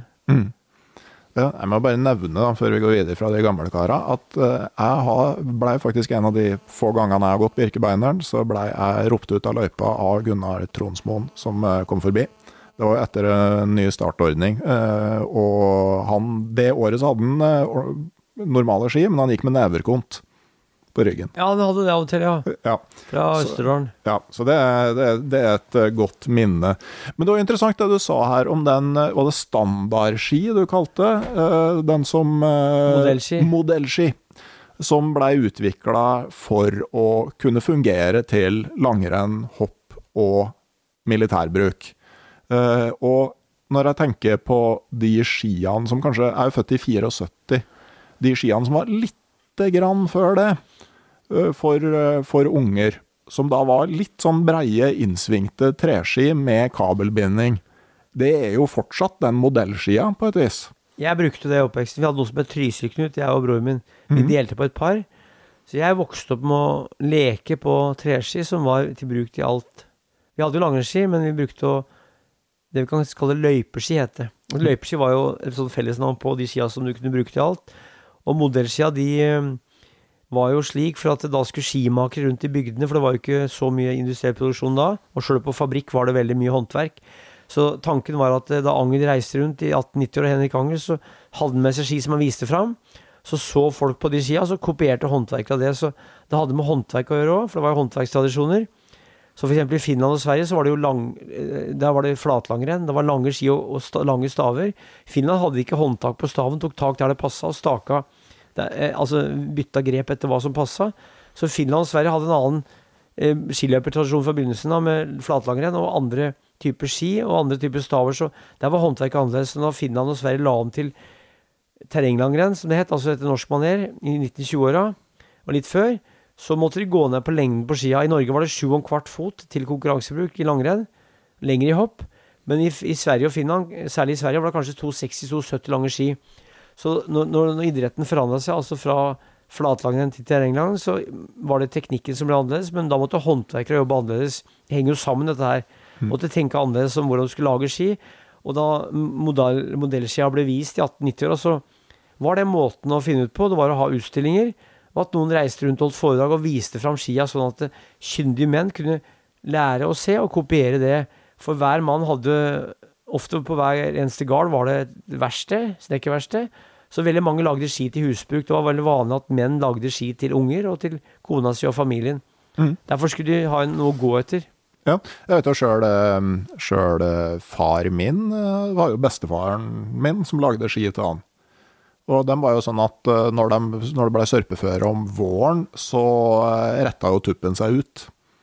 Og da måtte det fram med kaffekjelen og stime skiene og sette dem i spenn, sånn at tuppen kom tilbake. Treski måtte stelles og må stelles, mm. og gjerne om våren, hvor de satt i spenn. og det var jo folk som til og med leide andre til å gjøre det. Og noe av grunnen til at det var så mange skifabrikker og skiverksted, var jo det at det, hvis skia røk eller skjedde noe med skia, så skulle det repareres. Og hvis ikke folk klarte det sjøl, så ga de skia til skifabrikken. F.eks. på Skreia, det var noe som het Skreia skifabrikk på Skreia. Der pleide de å legge skia på mandag. Hvis f.eks. noen hadde brekt tuppen på et hopp, par hoppski på en søndag på et renn, så la de skia på mjølkerampa. Så tok mjølkebilen med skia og så ga det til skifabrikanten, som fiksa det, og så kom mjølkebilen tilbake med det på fredag, sånn at eh, hopperen kunne hoppe på, på helga. Så det å Skifabrikkene tjente penger på å selge ski, men tjente også masse penger på vedlikehold av ski. Så hvis du ser på prislistene til skifabrikker, for jeg skrev boka 'Skimakeren' i 2007, som dessverre er mm. utsolgt Jeg har sju eksemplarer hjemme, den finnes som lydbok. Så, så ser du at eh, det de tjener penger på, er faktisk mer vedlikehold av ski. Altså for folk var veldig opptatt av å ta vare på ting. Hvis du kjøpte et par ski, så skulle det vare så lenge som mulig. Og fingerskjøting, det var en måte å skjøte på hvor du eh, Altså fingerskjøte Hvor du skar noe hakk i skia og fingerskjøte. Det var en måte å gjøre det på. Så det var prega av gjenbruk. At du skulle ha nære verksteder og nære fabrikker i byen eller bygda. Så du skulle ikke dra langt eller reise langt eller bestille langt etter ski. Det skulle finnes der du bodde. Det var idealet lenge. Faktisk helt fram mot 1970-tallet i Norge. Ja. ja, sånn på etterkrigstida, hvor mange norske skifabrikker var det? Jeg har sagt at eh, jeg har registrert ca. 200 norske skifabrikker totalt. Og jeg vil si at i 1948 ca. 63. Mm. Og du går nedover, kanskje det var 80-1940. Det var noen som forsvant med krigen. Men hvis det var 63 ca. Men noen fabrikker, sånn som tømte skifabrikk i Maridalen i Oslo, der var det én ansatt og kalte seg skifabrikk. Mens andre skiverksteder, der var det kanskje fire-fem mann som jobba, men de kalte seg ikke skifabrikk. Og da er det ikke med den tellinga der, som Nei. er min. Og der Statistisk sentralbyrå hadde noen definisjoner på hva som var fabrikk. Og det var vel at du drev en viss størrelse, at du hadde navnet fabrikk i navnet. Mm. Mens, mens det var eh, kanskje 63, 19, 47, så forsank det for hvert tiår. Noen brant opp, noen la ned. Og da vi kommer til 1974, så er det kanskje 15 fabrikker igjen. Mm. Pluss en del skimakere rundt omkring. Så det var en forening for Skifabrikantenes Landsforening som møttes hvert år og hadde samkvem. Så det var et miljø blant skifabrikantene. Den største i 1947 var Splitken, som lå i Oslo først, men som ble flytta til Hønefoss senere. Mm. Ja. Nei, og jeg tenker jo sånn mm, En link der, altså Bjåland som var med Amundsen til Sørpolen, han starta en skifabrikk når han kom tilbake. Jeg tror det ble et pengesluk for Amundsen òg, så vidt jeg husker. Han gjorde det, Bjåland, i Telemark. Ja. Og den var vel i drift noen år fram til jeg vet ikke om det var drift i 30 år, eller var det for en del år, var det ikke Ja, jeg lurer på det, men at Amundsen var litt sånn bidragsyter til å holde den flytende. Men, men jeg tenker den øh, Det må ha vært en sånn slags interaksjon mellom skikulturen som utvikla seg på andre del av 1800-tallet, og det norske polareventyret. Altså sånn, Kan du på et vis si at polareventyret støtter seg på skikulturen, men at skikulturen også får en veldig løft pga. Nansen og Amundsen? Korrekt. Du vet, Nansen var født i 1861. Han beundra jo Telemarken i Grenseløst. Han var med i Husebrennet og ble vel nummer seks på det beste i hopp. Og Nansen prøvde å utfordre Torjus Hjemmesveit, som vant det første femmil i verden i 1888. Det sies at Nansen prøvde å utfordre ham, for Nansen var jo ikke noen god taper. Han var en alfahann som likte å vinne. Mm. Og det, i den testen som var mellom han og Hemmestveit Han så muligens den femmila i 1888, men jeg, min teori er at Nansen ikke stilte opp der, for han visste at han ikke ville vinne. For det, det fortelles om en test mellom Torjus Hemmesveit, som var den beste skiløperen på den tida her fra Telemark, eller Morgedal. Han, Nansen utfordret han til å gå om kapp. Og da sies det at Nansen kollapsa. For han hadde jo ikke sjans mot de tømmerhøgra som kom fra Telemark som var seige. De hadde gått på ski fra Morgedal til Kongsberg, tolv mil cirka, tatt toget til Kristiania. Og Nansen traff de gutta vet du, da Hemmestveit kom gående på ski fra Morgedal til Kongsberg i 1888. Det var, det var vel i slutten av januar, kanskje begynnelsen av februar, for første femmila var 7. februar. Da traff de Nansen på toget fra Kongsberg. Og han lurte på om Hemmestveit ville være med på Grønland. Det ville han gjerne. Men mora sa nei. Og Nansen hadde spurt den året før. Mora sa nei, for hun hadde fem, fem sønner, ingen å miste. For jeg var redd for at den skulle dø. Mm. Så Nansen var inspirert av telemarkingene. Han så til telemarkingene hvordan de gikk på ski, hvilket utstyr de hadde. De brukte jo én stav. Nansen brukte én stav. Han, han er avbilda med to staver, men han foretrakk én stav. Han skulle ha en arm fri. Så Nansen var veldig inspirert av det, og Amundsen var også inspirert av det her. Og det her vokste jo fram da Amundsen fødte i 1872. Skisporten Vi vet jo ikke hvor mye de var inspirert av, men det, var mye. Og skisporten som nasjonal idrett ble så klart inspirert av det de klarte, hva Nansen skitur over Grønland, de andre bragdene han gjorde, og Amundsen. Så det hang veldig tett sammen. Og da Amundsen kom til Polen, så var Norge en veldig fersk nasjon. Veldig ung nasjon, og det var et stolt øyeblikk for Norge at flagget var der. Så det, det, er nok sannsynligvis umulig å, å overvurdere den betydningen de hadde for hverandre. Polfarerne, skiløping og det derre samkvemmet der. Det er vanskelig å si noe sikkert, men det hadde enorm betydning. Helt sikkert. Ja. Så må vi ikke glemme Eivind Astrup, Nei. som gikk sammen med Robert Peary, og Mm. da var den første som gikk på ski sammen med hundespann. Ja. Den nordiske metoden. Jeg vet ikke om han var første, men i hvert fall første på en, på en ekspedisjon. Ja, Ja. altså, for, for der var det vel Peary gikk med truger, og Ja. Astrup med ski, og de fant ut at det ene funka vesentlig bedre enn det andre. Ja, for eh, Nansen og Amundsen og de gutta, de så jo til urfolk, og de så til indianere. Og de var jo smartere. En engelskmann er jo ikke så smart i isen og snøen som en nordmann, sannsynligvis. Nei, øh, jeg har jo nevnt det et par ganger, men jeg har jo tenkt at øh, kanskje et av de aller viktigste øyeblikkene i norsk polarhistorie var da Amundsen ikke rakk båten hjem fra Vest-Grønland, og ble nødt til å overvintre sammen med inuittene en hel vinter. Ja. For da blei han uh, tvinga til å Altså, da, fikk han virkelig øynene opp for kunnskapen øh, som var i, i, hos urbefolkningen. Og så lagde de sikkert noen løsunger. Ja, det er, ikke, det er ikke utenkelig. Men eh, hvor mye betydning det fikk for norsk eh, polarhistorie, det vet jeg ikke. Nei.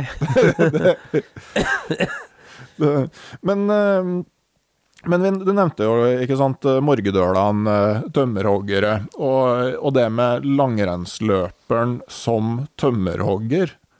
Det, det var vel altså, dels en sånn på en måte altså, det, det er en sånn oppfatning man, man har, da, at de beste langrennsløperne var også tømmerhoggere veldig lenge. Ja, for å si først det med skifabrikker. De fleste skifabrikkene drev med ulike typer produksjon. Det var få som drev bare med ski, fordi ski var veldig usikker bransje. For hvis det ikke snødde, så, så kjøpte ikke folk så mange ski. Så mange drev med møbler og andre typer kombinasjonsvirksomhet. Så f.eks. Gjøvik skifabrikk stifta i 1838. 1938 driver dere bare med ski, men det var, det var unntaket, altså. De laget stoler, møbler, noen laget likkister. Folk døde uansett. Så Matsus, er- som starta i 1906, det var Matsus ski- og likkistfabrikk. Ja, ok. Så, så skiboksene blir jo en sånn derre det- hørte Jeg med en eller annen person jeg husker ikke hvor han kom fra, et eller annet sted i utlandet, som hadde flytta til Norge. Og Et av de første spørsmålene han stilte til sine nye venner, var hvorfor de fleste norske biler kjørte rundt med ei likkiste på taket. Ja, det så ut som en så var det en skiboks. Ja, ja, ja. Nei, du vet, Tømmerhogger, for hvis vi går til 1888 for å ta hele den rekka oppover, så var jo han Torjus Hjemmeseth, han var jo snekker. Han var jo gardsarbeider, og, og han jobba i skogen, for ingen jobba i skogen hele året. Skogsarbeid var et yrke som ble utdødd noen steder. I Trysil så høgde de tømmer om sommeren òg. Og så lot de tømmer ligge, og så kjørte de om vinteren. Så tømmerhogst var ofte noe som skjedde i sjauer. De har vanlig fast jobb hele året. Det var jo ikke vanlig at mennesker i 1890-åra eller 1910 hadde Hvis de ikke jobba i industrien, så hadde du ikke samme jobben hele året hvis du var kroppsarbeider. Så de som jobba i skogen, de gjorde det deler av året og deler av livet. Og Hemmestveit, eh, han var jo, som jeg sa, tømmerhogger, men du kunne også kalle han snekker eller gardsarbeider. Det samme gjaldt f.eks. med med mange av de løperne som kom senere, de, de hadde ulike typer arbeid i løpet av året. For de, som, de beste skiløperne var jo fra landsbygda. Og ta f.eks. Per Bakken fra Vestby, som vant Femla i Kollen 1904. Han var født i oktober 18, 1882. Han var, bare, han var, to, han var 21 år da han vant Femla. Den yngste vinneren fortsatt. Bolsjunov vant for noen år siden, men han var litt eldre. Han var jo en klassisk eh, type fra Trysil, Vestby-Trysil, som drev med det jeg kaller mangesysleri var gjeter som guttunge. Begynte tidlig. De, begynte, de fikk kanskje en liten ljå da de var fem år. Så de begynte å arbe tidlig. Altså fire-fem år, så, så var de i arbeid, altså. Og det er ikke tull engang. Og da hadde jo på, I 1910 så hadde jo unger på landsbygda lengre ferie, fordi de hadde sommerferie fra rundt 17. mai til 1. september. For de skulle jobbe på garn, være med i våronna, være med i ånda, være med i skorånda, være med i slåttonna, plukke bær og være gjetere. Først var det gjetere i oppveksten. Mange av de beste skiløpere har vært gjetere. Jeg har dokumentert i flere bøker. Skrev bok om Sigurd Rønn fra Rindalen, født 09. Han var gjeter. Og det var alle brødra. For de skulle utnytte all arbeidskapasitet. Og unger kunne ikke ha tungarbeid, men de kunne være gjetere. De kunne løpe sammen med buskapen i fjellet og i skogen. Og buskapen var viktig både til kjøtt og til melkeproduksjon. Og med ull, med sauer. Så de utnytta alle måter og, og all arbeidskraft. Og derfor så Skogsarbeideren som spesialarbeider, det er noe som tilhører mer etterkrigstida. I mellomkrigstida kom barkespaden. Da hadde typer som Konrad Nordfjellmark fra Klinga skilag i Nord-Trøndelag han var kjent som Norges beste tømmerhogger i 30-tallet. Det ble laget filmer med han hvor han drev og brukte barkespa og veldig fine bevegelser. Og da er han mer spesialist i skogsarbeid. Men det var hele unntaket, så hvis det kanskje var 30 000 mann som jobba i skogen, så jobba de fleste med andre ting. Og mange av de som jobba i skogen, hadde ikke overskudd til det. Så allerede på 20- og 30-tallet så hører vi da at de beste langrennsløperne de kan ikke hogge tømmer om vinteren. For de må hogge om høsten for å bli i form, for å bli sterke. Så kommer skisesongen, så begynner de å gå langrenn. Og så tar de fri om vinteren, for de ikke er, har ikke tid til å reise. De har ikke tid til å være skogsarbeider om vinteren hvis de skal gå skirenn, for da var det gjerne på et landsrenn var det tremil på torsdag, hopping og langrenn lørdag og søndag, fest natt til mandag. Og skulle du dra til rennet på onsdag, så gikk hele uka på reise rundt, og det var januar og februar, og litt i mars. Så hvis du går fram mot krigen, har de fleste løpere som er gode i langrenn, de har vært borte i skogsarbeid. Ikke alle, men de fleste. Og i 1961 så vant Magna Lundemo NM på 50 meter på Røros, og da var den første mannen siste som vant et langrenns-NM som ikke hadde hatt kroppsarbeid. Og helt fram mot 1970 ca. så dominerte typer som hadde vært borte i skogsarbeid. De var kanskje ikke skogsarbeidere, men de hadde vært borte i oppveksten. F.eks. Johan Grøttensbråten, født i 1899 i Sørkedalen. Han var veldig spinkel i oppveksten. Sped. Faren sa at 'du blir aldri noen skiløper'. Og da sa han faen han skulle bli skiløper. Han begynte å jobbe i tømmerskogen etter konfirmasjon da han var 15 år, og, og da vokser du noe jævlig. Du har veldig høy testosteronproduksjon. Fra 15 til 20 er en viktig vekstalder. Hvis du da trener eller jobber hardt med kroppen, så blir du veldig sterk. Og den, kropp, den styrken sitter ofte i kroppen lenger enn hvis du f.eks. løfter vekter etter at du har utvokst. Så Det gjorde Grøttesbråten. Det var en kjent metode. Da han var 20 år, så slutta han som tømmerhogger og begynte som ekspeditør og senere selger i Gunerius Oslo. Så han var en type som visste om det her, at du hogger tømmer i oppveksten, og noen, f.eks. Torleif Haug, fra Lier, som vant tre OL-gull i 24. Han lå på tømmerhogst om høsten. Og så kom snøen, så begynte han å gå på ski på heltid, mer eller mindre. Reidar Hjermstad fra Hernes, født i 1937, han var skogsarbeider hele livet. Det var veldig spesielt. Men de, i 60 år hadde de fri om vinteren uten lønn. Ole Elleseth, som døde nå nylig, han var jo tømmerhogger og fra han var 16 til 20 ca. Og så ble han skogtekniker, hvor han hadde lettere arbeid, men drev samtidig på en del i skogen. Han hadde jo fri om vinteren fra Furnes allmenning uten lønn, så det er veldig mange som var borte i skogsarbeid, men, og det gjaldt Norge, Sverige, Finland, men ikke Tyskland. Da tyske løpere kom opp i 1970, hadde ingen av de jobba i skogen, og de kompenserte med å løfte vekter og gå på rulleski. For de kunne ikke få den grunnstykken, og gravde grøfter ofte. Så grøftegraving var sett på som like bra trening som å være tømmerhogger. Og tømmerhogst er jo veldig bra for ikke bare overkroppen, men skinka og beina og det hele. For du skal jo først kappe, og hvis du var om vinteren, så måtte du først grave ned til stammen. Mm. Du må gå på ski til skogen. Så må du gå på ski til, eller vasse i snøen fram til treet. Så må du grave deg ned for å komme ned til rota. Så må du felle med svans. Før motorsag kom, så var det svans eller buesag. Så, skal du, så detter treet ned, så skal du kappe. Så skal du barke med barkespa, for det skulle fløtes, og da måtte det barkes. Det var noe av grunnen. Så det var altså mange operasjoner. Så skulle du løfte og dra så det var mange ting som gjorde at du ble sterk av å jobbe i skogen. Det var veldig det var, De har målt pulsen på gutta. De hadde 130 puls mange hele dagen. Mm. Og det var, veldig, det var både styrke og utholdenhet og skiløping i hverdagen. Var det f.eks. på Lofotfisken, så var det en båt. Da løfta det tungt. Det var ute i hardt vær. Det var på sildefiske på Vestlandet. Så det var òg en samme type jobb, kanskje, men det var ikke den treninga til langrenn. Så de beste skogsarbeiderne, de fikk trening gjennom jobben på ulike måter som er overførbar til langrenn. Mm. Jeg tenker jo litt, ikke sant, altså 130 i puls gjennom en hel arbeidsdag. altså Det slo meg jo at uh, nå, nå kom jo det manifestet til han uh, Nils van der Poel, som vant 5000 og 10 000 meter i, i OL på, på skøyter.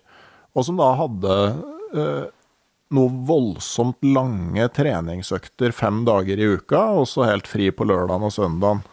Så tenker man at Det er jo kanskje ikke så forskjellig fra en eh, hverdag som skogsarbeider. Nei, det er riktig det. Og de som drev i skogen, de hadde frisk luft, og de hadde søvn i koie. Så det er ikke de sov så godt, men det var et veldig styrkende liv. Hvis du var ung og tålte det, så ble du sterk og seig. Mm. Det er klart, etter hvert, når du kanskje ble litt eldre, så fikk mange vondt. Og, men hvis du klarte å finne balansen, og de beste skiløperne, de var jo sånne typer, og det sies at det var ca. 1300 tømmerhuggere i Trysil i 1930, og kanskje 70-80 aktive skiløpere. Mm. Men mange kunne gå på ski, alle kunne gå på ski, men de orka ikke, hadde ikke overskudd eller gadd ikke å være med i skirenn. Så de som var best, de var jo overskuddsmennesker. og vi vet jo, som jeg sa allerede i 30 at de beste de tok fri om vinteren. De, de kunne ikke hogge tømmer. Hadde ikke tid til det, hadde ikke overskudd til det. For det var så hardt. Men de kunne bruke de i oppkjøringa noen måneder om høsten for å bygge opp styrke. Og jeg snakka med en kar som hadde hogd tømmer i 18 år på den måten her. Hvor han var tømmerhugger fra desember til april, f.eks. Og det var et fint liv, sa han. Men han drev ikke med det samme hele året. Og så kunne noen være tømmerfløter om våren og kanskje plante Mm. de, de kunne jobbe i skogen mange måneder, altså, men ikke, ikke med det samme, for de kjørte tømmer, de lunda det. Det var mange operasjoner i tømmerhogsten som var andre, andre enn å så bare, bare felle, altså. Mm. Ja. Det er interessant. Altså, jeg leste ei bok om, om eh, hvor um, eh, hvor eh, maleren Kåre Tveter og poeten Hans Børli ble intervjua. Og jeg var ikke klar over at Børli mislikte vinteren så kraftig. Han gjorde det for at han måtte jo vasse rundt i skogen. Jeg kan tenke deg selv, Han vokste opp på en plass i skogen og omringa snø. Mm. Og som skogsarbeider så er det klart det er ikke noe rart at han hata snøen da. Nei. Og som jeg sa, liksom, når du endelig hadde skrapa til deg de her lusende kronene på arbeid, så måtte du jo gå flere mil på ski gjennom skogen for å få brukt dem. Ja, også han vokste opp i en tid hvor eh, Ja, når han gikk f.eks. til Kongsvinger, gikk han ikke på beina. Mm. Han måtte bruke beina, han, og så gikk han på ski om vinteren. Og det, det var, skogen var jo ikke rekreasjonsområde for han, det var jo arbeidsplassen. Og han har jo noe dikt hvor han skriver om skiløperen som ikke ser hvor ille snøen kan være for skogsarbeideren, så jeg skjønner det godt, jeg. Mm. Jeg jobba som snømåker på hustak, og da er jo snøen en forbannelse. Så det er ikke rart, det. Så snøen som fritidsplass er jo et sted vi liker fordi vi ikke er der hele tida, og fordi vi sitter inne i et hus, og så kan vi gå ut og hente kraft og saft i skogen, mens han var der hele tida og, og sleit og bala og sloss mot snøen, og snøen gjorde at han jobba tyngre og tjente mindre. Mm. Ja, det er verdt å ta med seg. Men, men eh, hvor lenge var skiene viktige som framkomstmiddel? Det er nok sikkert det enda for noen, men da jeg vokste opp på 70-tallet, så var det fortsatt mange som gikk på ski på butikken, f.eks. i Brumunddal. Mange unge gikk på ski til skolen. Så hvis du gikk på Faglund skole da, f.eks. i 1975, så sto du satt opp kanskje 50 eller 100 par ski. Mange hoppa jo på ski i friminuttet. Mange gikk på ski Det var lø- ved skolen, så jeg vil jo tro det at eh, ski som framkomstmiddel var viktig for mange fram til 50-60-tallet, litt avhengig av hvor du bodde. Og noen bruker det enda. I dag er det jo vanlig som framkomstmiddel på hytter og forskjellige steder i koier i skogen. Men jeg husker altså da i Brumunddal på 70-tallet så var fortsatt noen av de gamle løypene åpne, hvor folk gikk på ski til butikken, folk gikk på ski til skolen. Så hver høst så oppsto det løyper. Noen kom derfra, noen kom derfra, noen gikk dit, noen gikk dit. Det var løyper som hadde vært der lenge, delvis, hørte jeg. Som ble gått opp hvert eneste år, akkurat som du tenker en sti i skogen, men den blir jo mer varig fordi du tråkker til den, så er den der. Så, f- så oppsto det skispor hvert år på steder hvor folk hadde behov for å ta seg fram. Og veldig mange unger gikk jo på ski. Det var jo ikke Jeg gjorde det veldig mange år. Og, men i bygder, øvre bygder så tror jeg det at eh, For bilsalget i Norge ble jo fritt i 1960. Da kunne alle kjøpe seg bil. Og skolebussene kom på, på 50-tallet, slutten av 50-tallet og begynnelsen av 60-tallet.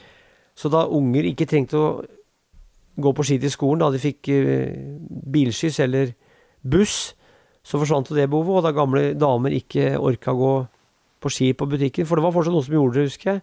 Gikk på ski på butikken og dro ned til sentrum på ski. Mm. Morsomt. Ja.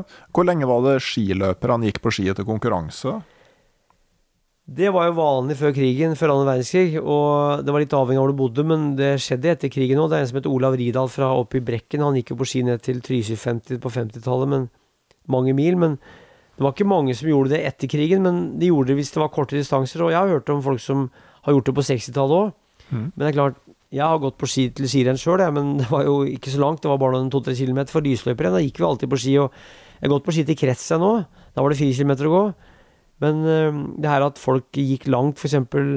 Det tilhørte jo gjerne øh, barndoms... Øh, altså skisportens ungdom.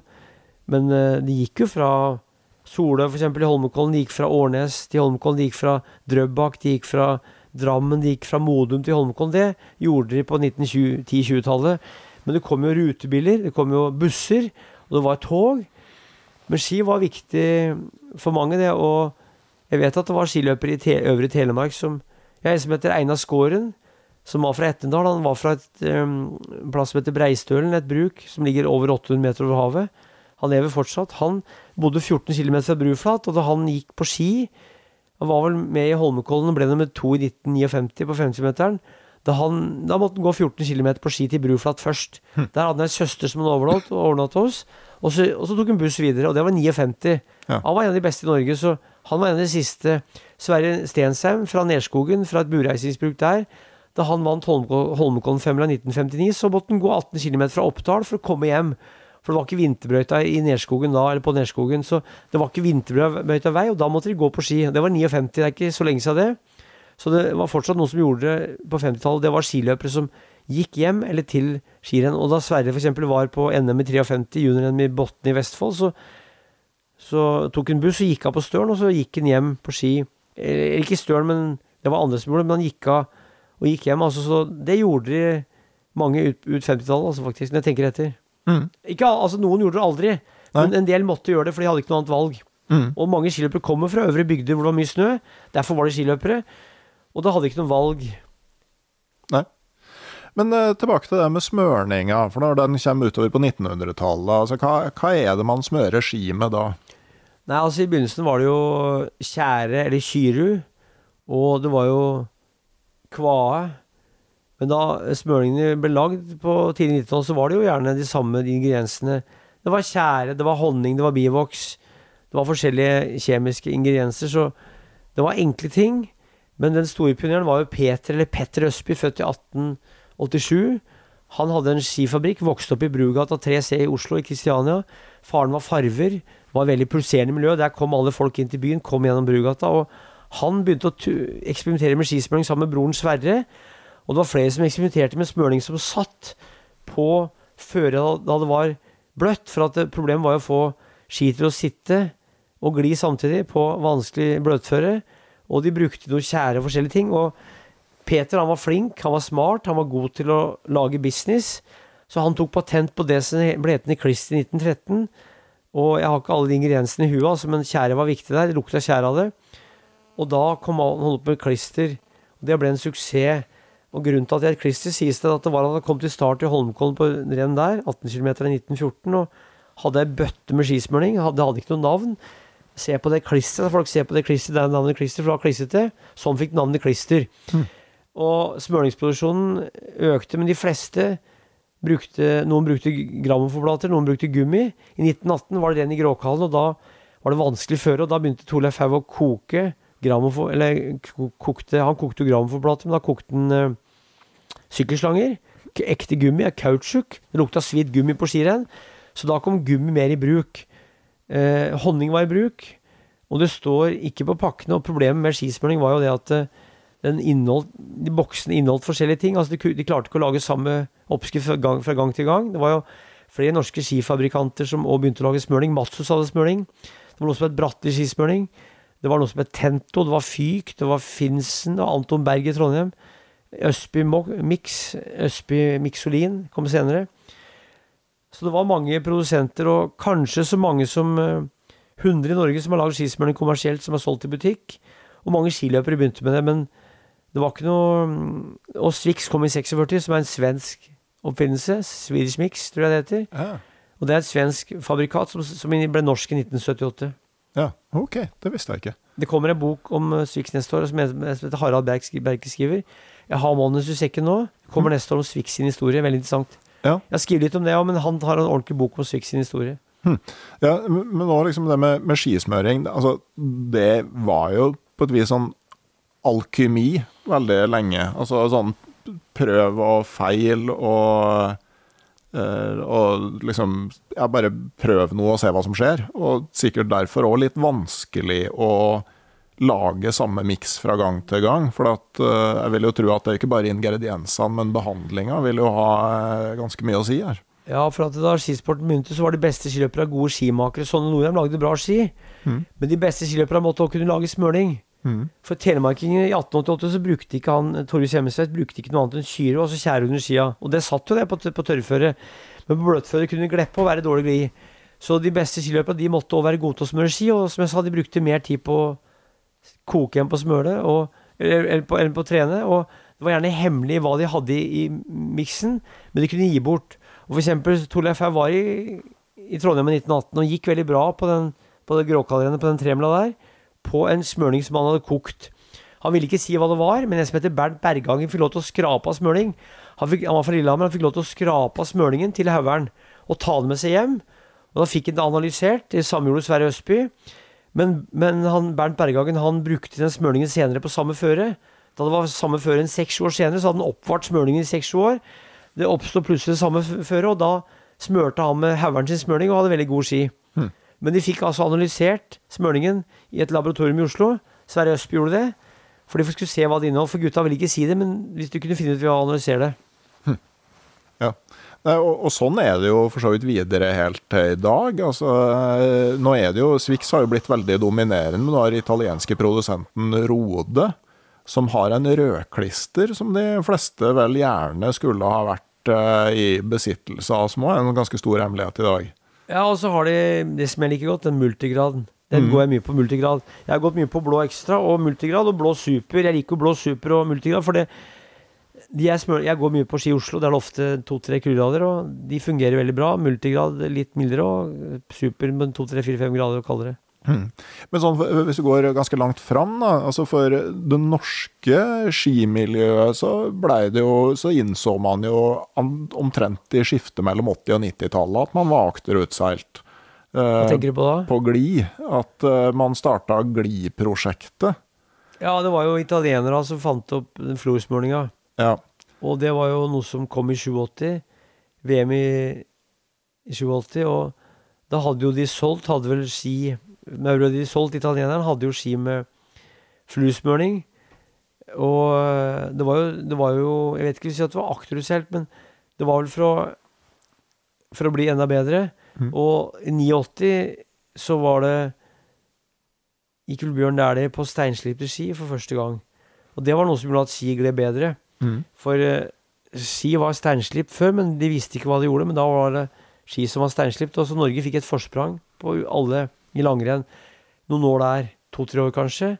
For de hadde steinslipte ski. Svartskjold var en nyvinning litt før. Steinslipte ski. Og så det Gli-prosjektet som du snakker om, kom Ja. jo på den tida her. Er faktisk en, eh, en som jeg kjenner som tok doktorgrad på Gli på ski. En, eh, med avhandlingen, skal vi se, hvor det har den hen? Uh, ja. Some aspects of ski base sliding friction and ski base structure. Det var det? Eh, Dag Anders Mollestad. Jeg har hørt Fins den på Idrettshøgskolen, eller? Mm, nei, han, eh, denne var tatt på NTNU. altså Han var maskiningeniør. Interessant. lagde et uh, apparat som på en måte kunne uh, Som kunne måle strukturen i skiene. Jeg har den doktoravhandlinga et eller annet sted, men jeg er redd den kanskje er stua bort. Det er jo synd og skam. Det, er- men det er for spesielt interesserte. Man lagde et sånn måleapparat kobla til datamaskin som du kunne dra ski over, og så fikk du liksom et sånn kart av sålen. Ja. Jeg har jo det manuset til den boka om Swix, har jeg i sekken faktisk, for jeg kikker på den nå. Der står det om uh, fluorsmørningens framvekst, og jeg har ikke satt meg så nøye i det, men uh, det skjedde mye, og det gjorde at de gled mye bedre. Men Norge fikk som sagt, eh, etter at fluorsmøringen kom i 87-88, så fikk Norge et forsprang med steinslipte ski. Mm. Så det har vært alltid en krig eller en nyvinning, og grunnen til det er jo at idrett er jo, toppidrett er jo ekstremt. De prøver hele tida å kjøre fortere, gå fortere, og da bruker folk de midlene som er, for å klare det. Og, og det er jo ikke sant med intervallstart uh, i langrenn Altså, det er jo umulig å se forskjell på farten til nummer én og nummer fem. Altså, hvis, det hvis man ikke målte det. Altså, spesielt på herrelangrenn så kan det jo være tett som hagl. Det skiller kanskje ti sekunder på de fem første. Og det, og det er jo så utrolig små marginer når du tenker på at det her er over 15 km. Ja. Det, er- det er liksom Og, og, og det, er at det er jo kun gjennom det at det er målbart med klokka, at du, du egentlig ser at noen er bedre enn de andre. ja, og hvis du ligger i fellesstart, så ser det mye tydeligere. Ja. Da er det helt forferdelig, og jeg har gått Birken flere ganger og hatt dårlig glid, og blitt fraglidd av feite gubber og feite damer. Så det er irriterende, og der er det så lange gliflater sammenhengende i fjellet der, så ikke noe skog, så du ser det på tydeligere, og i de gamle intervalløypene så så du ikke så tidlig hvem som hadde best gli. Nei. Det var ikke så mye fokus på det heller. Nei, det var, det var ikke det. Men, eh, men jeg tenker sånn, da du begynte å gå Birkebeineren, eh, kunne du tenkt deg at noen noen gang kom til å stake hele løpet? Altså, den første gang Jeg gikk første gang i 86, og i 1987 så hadde vi en økt fra Pellestova til Sjusjøen hvor vi staka. Så jeg hadde jo gått på Rushi, og i 2-83 bodde jeg i USA. Og da kom enbærskjøtinga, og da hadde faktisk jeg gått skirenn allerede da. Hvor vi stort sett bare gikk enbærskjøting og staka. Så jeg tenkte ikke på det som en idé. Men det var en dame som het uh, Myklebust i Brumunddal. Ragnhild Myklebust, som er uh, parautøver. Og hun satt jo alltid sitt og staka i en kjelke. Så jeg har sett noen som har staka. Men det- var ikke noe issue. Vi tenkte ikke over at det var en mulighet. For at, eh, hvorfor skulle de gjøre det? Men som sagt, i, i 87 så, så hadde jeg en økt, husker jeg, fra Pellestova til Sjusjom hvor vi staka. For vi pleide, vi, om høsten å stake ekstra uten fraspark på de første øktene. Eller kanskje ikke på de første øktene, men la oss si på den femte og tiende økta, eller 15.-20. økta, hvor vi pigga for å få litt styrke i overkroppen. Det pleide vi å gjøre. Men det var jo ikke for å klare det, var mer for å få trening. For at det skulle være tyngst mulig. Så Staffan Larsson var vel den første som Var det ikke i 95 som pigga Vaselopp? Han hadde en skade. Ja, han hadde en kneskade Ja. som gjorde at han måtte prøve det. det Ja. Men det, var liksom ingen, det gikk en stund før noen tenkte at det her er faktisk den raskeste måten å gjøre det på. Han leda lenge, og det var jo skøyting fikk jo gjennombrudd i 2, 83, 84, og enbærskøyting forsvant eller ikke, men i 85 så skøyta han med begge bein, og da kom det to stilarter fra 86, klassisk og fristil. Så det her med å pigge, det er jo noe som tilhører turrenna, og Jørgen Aukland har vært viktig der, som foregangsmann. Han har jo to serier i Vaseloppet, 2008 og 2013. Så det er noe som utvikler seg, særlig blant menn, for at de er jo sterkere i kroppen. Og det at folk pigger Birken, er jo fint, det. Men personlig så har ikke jeg noe interesse av å stå og pigge, for jeg liker at langrenn skal være variert. Det skal være diagonal, dobbelttak. Nå går, nå går ikke jeg noe særlig fiskebein, da, men liker den rytmen mellom ulike teknikker. Ja, og det er løyper som gjør at du liksom må bruke riktig teknikk på riktig sted. Ja, ja. Det, det men, men jeg tenker bare at det, det er liksom så imponerende å klare å stake et løp som Birkebeiner, og til og med det Ja. Reistad-løpet, som er enda verre. Ja. Det, Nå ser vi at en del har kanskje juksa, jeg vet ikke, men men, men, men, eh, det fins jo egne skøyteskier nå, og du har jo stivere staver enn før, så det at stavene er stivere, er viktig. Mm. I tillegg så er jo stavtaket bra, for at hvis du har dårlig stavtak, nytter det ikke å pigge. Men vi vet jo f.eks. at uh, i 1913 så pigga jo Carl Kristoffersen fra Trysil. Han var født i 1895, han var ikke fylt 18 år. Han pigga i femmil i Trysil på 3.31,52. I Østby i Trysil, som var båndmål til 12,5 km, det er verdensrekord på tremil, femmil i 1913. 3.31,52. Han var 17 år. Og verdens største langrennstalent. Han døde i en alder av 20-21 år. Han døde i 1916, født i 1895 i Grønland. Så han pigga faktisk, men den dagen var det isføre, eller, eller hardt. Hardt. Og han hadde en teknikk hvor han, hvor han altså hoppa og pigga.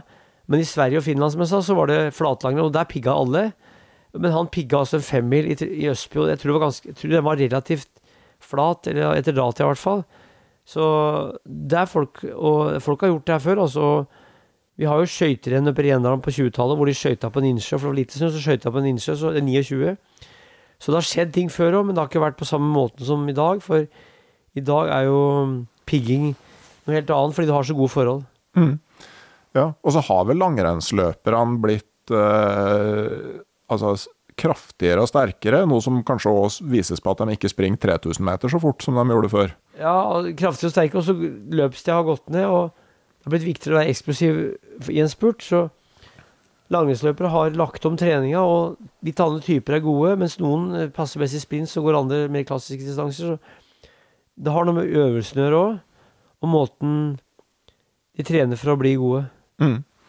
Men eh, vi, vi stoppa jo litt opp i på en måte, den historiske utviklinga, men jeg tenker jo at kanskje eh, karen du har eh, overnatta hos i natt, Oddvar Brå, og, eh, og kanskje også Ivar Formoe, eh, representerte litt sånn ny tid i eh, sånn utover 70- og 80-tallet. At man fjerna seg fra skogsarbeideren, og plutselig også bygutter kunne bli gode i langrenn. Oddvar Brå er jo odelsgutt og enebarn. Mm. Han var med, i tømmer, han var med og planta skau. Han høgg ikke tømmer, han var med og planta. Faren var jo skogsarbeider. Faren Birger lå jo borte på høgst hele uka og kom hjem i helgene.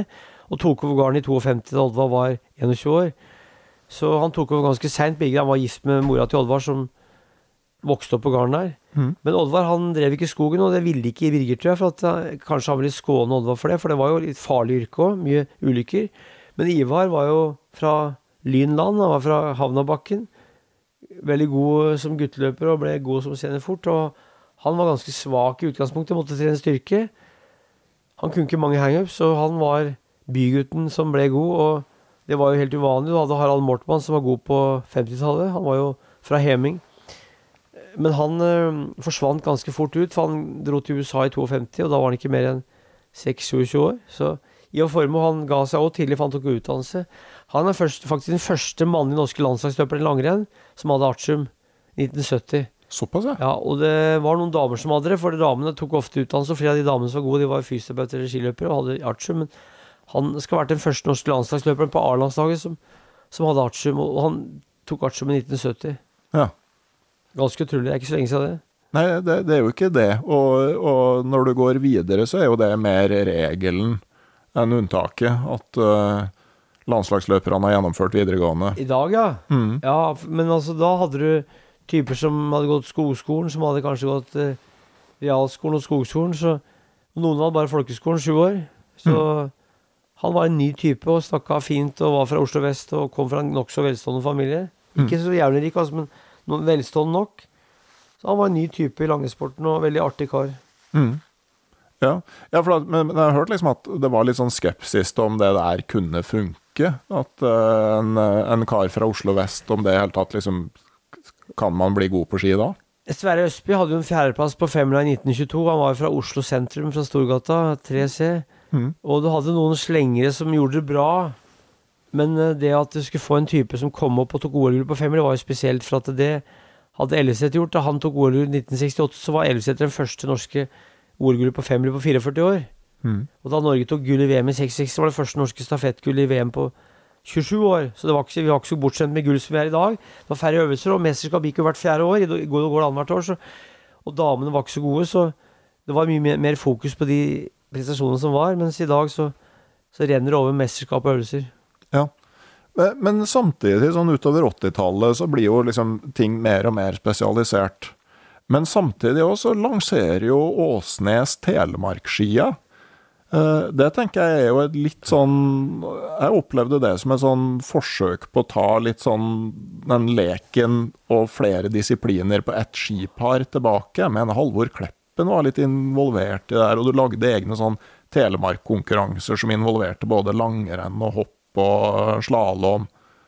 har du tenkt noe rundt det? Ja, jeg skrev boka 'Skimakeren', og der skrev jeg mye om det der. Og jeg levde jo da, så broren min kjørte i Telemark. Jeg gjorde det ikke, men jeg, vi har en, la en leieboer som har kjørt mye i Telemark. Og det var jo noe som kanskje oppsto blant eh, Det hadde kanskje aldri dødd ut, tror jeg, for at Telemarksvingen er jo dokumentert gjennom f.eks. Marius Eriksen, far til Marius Steinus Eriksen, altså den svingen de gjorde.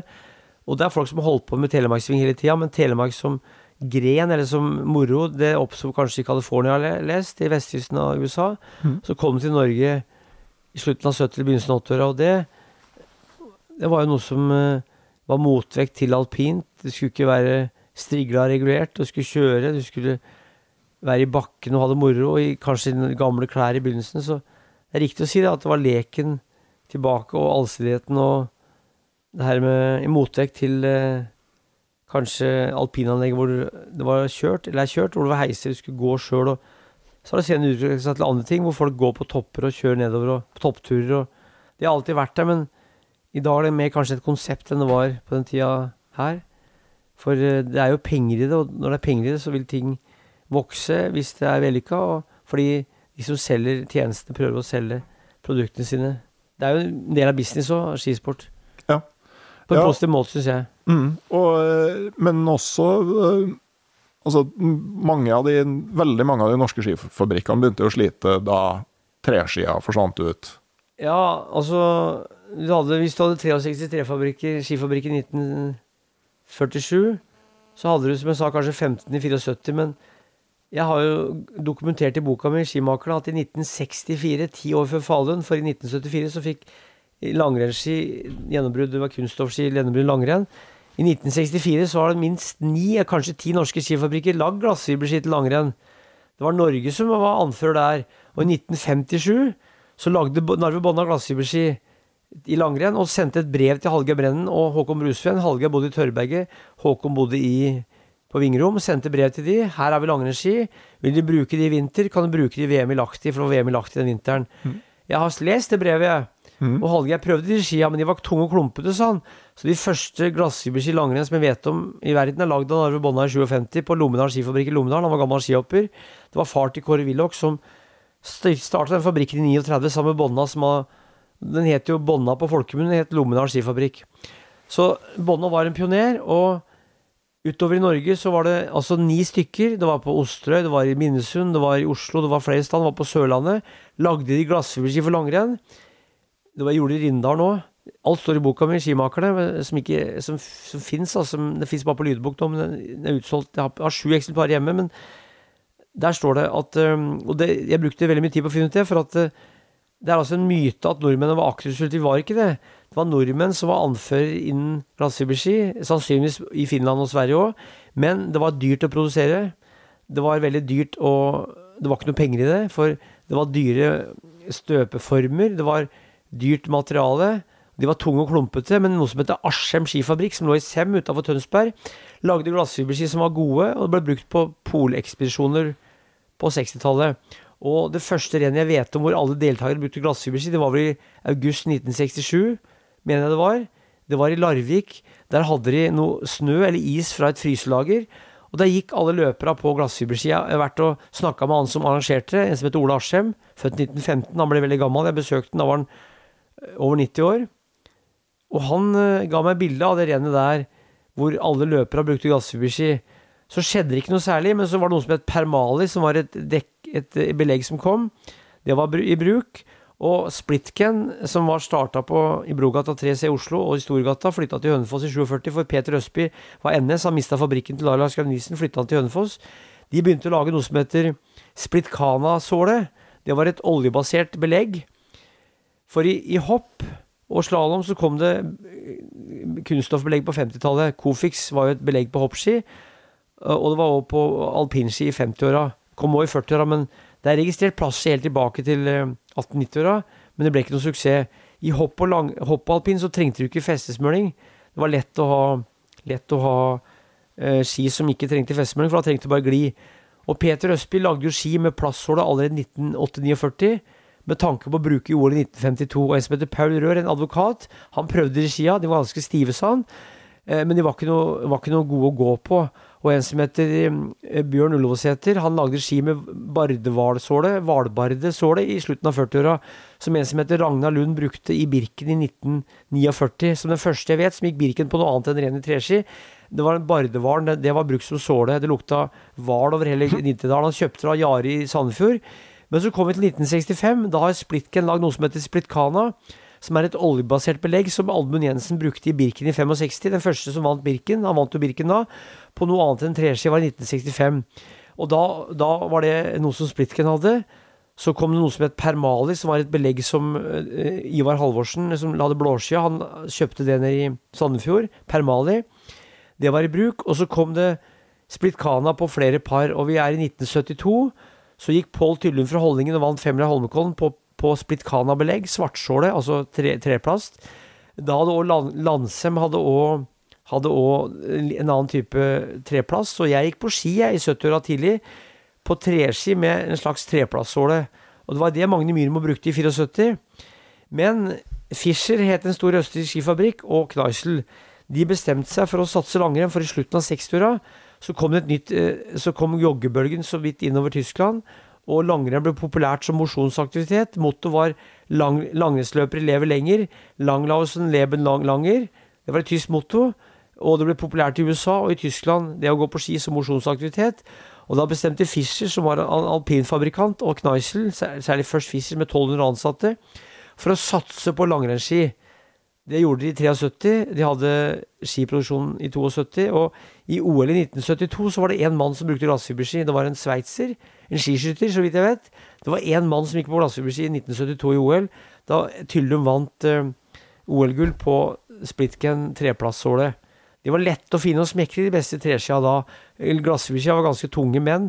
Den norske eliten hadde prøvd glassfiberski altså i 67, og noen hadde fått det allerede i 57 og forkasta det. Da vi kommer til 1973, så hadde Fischer lagd ganske bra ski. Ida Redvardsen for Grovfjord og Kjell Pettersen for Olderøyd, som var på det norske Kalle B-landslaget, morgendagens menn, de gikk på Fischer den vinteren, så vidt jeg vet. Og noen norske turløpere kjøpte det på renn nedover Europa, for da hadde det begynt å gå renn i Europa og USA. Men det, det var noe som het Skipolen i Norge, som var en, en, avtale mellom de norske skifabrikantene og landslaget. Norske løpere måtte bruke norske staver. Det var Lillehall stavfabrikk, Sparta stavfabrikk, eh, og det var Eide stavfabrikk. Det var en tre-fire store stavfabrikker. Det hadde vært mange flere som var store da. Og det var bindingsprodusenter og konfeksjonsprodusenter som hadde masse forskjellige produkter. Det var stor skiindustri i Norge. Og da var det en avtale om at ikke noen skulle gå på noe annet enn norske utstyr hvis du var nordmann. Hvis du var på landslaget. 17. mai 1973 så dro Oddvar Brå ned til Østerrike for å teste Fischer glassfiberski. For de ville ha han. Han var, vant femmila i NM det året, han vant femmila i Lahti. Ja. Han ble eh, nummer to på femmila i Kollen. Han som den mest lovende løperen skulle få tilbud om å prøve norske eller østerrikske glassfiberski. Han testa de på, på Darstagbreen i Østerrike og fant ut at jeg går over til glassfiberski. Han, han, har jo notater på det her. Han skrev dagbok, treningsdagbok, og den ligger i huset til Oddvar enda. Og jeg har gått gjennom det. Han dro tilbake til Norge, hadde kontrakt med Fischer, og det ble murring. Han, han var den mest lovende løperen. Eh, og i 1973, i november, så kom eh, Gerhard Thaller, som var Østerrike, altså Fischer sin preppemann, kom til en samling landslaget hadde på Os i Hedmark og hørte at Oddvar ikke ville gå på Fischer. Han skulle gå på Landsem som han gikk på før. Han hadde vært i Landsem på Landsemfabrikken i Rindal allerede i 1958 og kjøpt ski med faren Birger, som var skiløper, og kjente Even Landsem som som hadde fabrikken. Så Oddvar bestemte seg for å rive i stykker kontrakten. Taller kom igjen til Oddvar Brå på Hølonda. Han kjørte feil. Han kom fram til gården. Mora Oline serverte middag. Og Oddvar reiv i stykker kontrakten og bestemte seg for å gå på Landsem i 74-sesongen, altså 3-74. Da var Magnar Lundemo, nordmann fra Meråker, var trener i Østerrike det året der. Og da hadde Kneisel og Fischer lagd gode ski. I 73 hadde Fischer de beste skia, og Kneisel var kanskje de beste i 74. Men da var det noe som het Marcelonga, og der hadde Lundemo fått et par Marcelonga. Og der var det flere norske skiløpere som var med, bl.a. Ole Ellefsæter, Jo Eggen, og gikk på norske treski. Og Lundemo han slo Ellefsæter der. En av de få gangene han har slått Ellefsæter, var i Marcelonga 74. Og det paret det ble med til Norge. Det var et Kneisel-par. Det ble med til Norge. Det paret tok Oddmund Jensen med til NM på Selbu i 74, for der var det NM, og der var det veldig ustabile trønderske forhold. Han testa det paret sammen med Håkon Brusveen, og han gled fra Håkon på Kneisel, og så skjønte Oddmund at nå blir det nå skjer det noe, for det var noe renn nede i Reiten Winkel hvor noen ukjente franskmenn slo norske løpere. Og den vinteren 74 var det lite snø, så i Falun var det mye påkjørt snø, for det var ikke kun snø da. Det var påkjørt snø fra, fra parkeringsplasser og mange steder. Så da Tremila starta i 1974 i VM, så et kvarter før start, så bestemte Thomas Magnusson seg for å gå på svensken også, på, for å gå på Kneisler-ski. Han gikk egentlig på Jervinen, finske Jervinen. Han hadde en kontrakt med noe som heter Ryon. Han gikk egentlig på Jervinen, som hadde treplassåle. Det samme belegget som var da på jeg, på flyplassen i Helsinki, det var på skia til eh, Magnusson eh, på Jervinen, som var, som var det beste skia utenom kanskje Landsem. Jervinen, Matsus og Splitken var gjerne som de beste langrennsskia da. Han gikk på eh, Kneisel og vant gull på Kneisel som den første verdensmesteren på glassfiberski i langrenn. Nummer to var Mito, gikk på Jervinen treski. Han var egentlig moralsk vinner. Og nummer tre, Jan Stasen fra Polen, gikk jo på glassfiberski. Det var gjennombruddet for, for glassfiberski i langrenn. Så gikk jo Magne Myrmo 50 meter og vant på treski. Og for å gjøre lang historie kort, for det her er egentlig emnet for et eget foredrag i seg sjøl, på en time eller tre, så var det Holmenkollen femmila året, og da gikk Myrmo på Fortsatt på treski med plastsåle. Treplast. Svart treplastsåle fra Rindalen. Oddvar Brå gikk på Kneisel. De var for stive. Han sleit av smøringen, De visste ikke hvordan de skulle smøre skia, så han smurte jo hele såla midten under òg. Så han sleit av. Oddvar leda etter første runde, og Myrmo vant femmila i Holmenkollen i 1974 på treski, etter Falun. Da vi kommet til Birken i 74, så hadde Ole Ellefseth et glassfiberski. Det hadde også Erik Røsbakk, men Dag Annakrud fra Østfold, som bodde i Elverum, som gikk for Hernes, han gikk på lærerskolen i Elverum, gikk for Hernes. Han hadde fått et par ski av Gjermund Eggen, som hadde skifabrikk i Engerdalen. Det het Eggen, men de ville ikke bruke, for det var litt lite snø i 74. Så han brukte et par Landsem treski, han Dag Annakrud da. Og da gled fra Ellefseter og Røsbakk, han gled fra de på treski, og vant Birken på treski i 1974. Som den siste vinner av Birken på treski. Og da sto jeg og så på, og jeg sto og telte alle som hadde glassfiberski, og det var jævlig få. For det var noen få hadde Kneisel og Fischer, og da kosta et par Kneisel 595 kroner. Og da var Brå borti Murmansk og gikk femmil. Da hadde han med glassfiberski inne på rommet under senga Jeg var redd for at det skulle bli stjålet. Ja. Og vi kommer til NM i 74 på femmil i Sørreisa så vant Oddvar Brå femmila på Kneisel glassfiberski, og da gikk òg Magne Myrmo på, på glassfiberski. Da hadde han gått over til glassfiber, han òg. Og Oddvar sa det at han tok igjen en løper i en, en lang utforkjøring på treski. Og da, og da, var han så flau, for det gikk så fort at han så bort da han passerte treskiløperen. For han gikk jo diagonal. diagonal. Oddvar satt i, satt i hockey, og han sier at han tapte kanskje 25 minutter på å gå på treski der. Og da starta Landsem produksjon sammen med Blizzard, Landsem Blizzard. Og den vinteren der, 74, så la de norske fabrikkene mange over til glassfiberski. Men det ikke mange vet, er at uh, vinteren 74 var altså gjennombruddet for glassfiberski langrenn. Men det har aldri blitt solgt så mange treski fra Norge etter 74. For amerikanere og mange andre ville ha treski noen år til. For glassfiberski var stive. De var vonde å gå på, vonde å smøre. De fleste turløpere foretrakk faktisk treski. Så i statistikken fra Statistisk sentralbyrå som jeg gikk gjennom, så ser du at salget til USA og Tyskland av treski, og særlig i USA, har aldri vært så stort etter 74 som de åra der. Men så var det OL i Lake Placid i 1980, og da skulle, da skulle langrenn få et stort gjennombrudd i USA, for det skulle promoteres.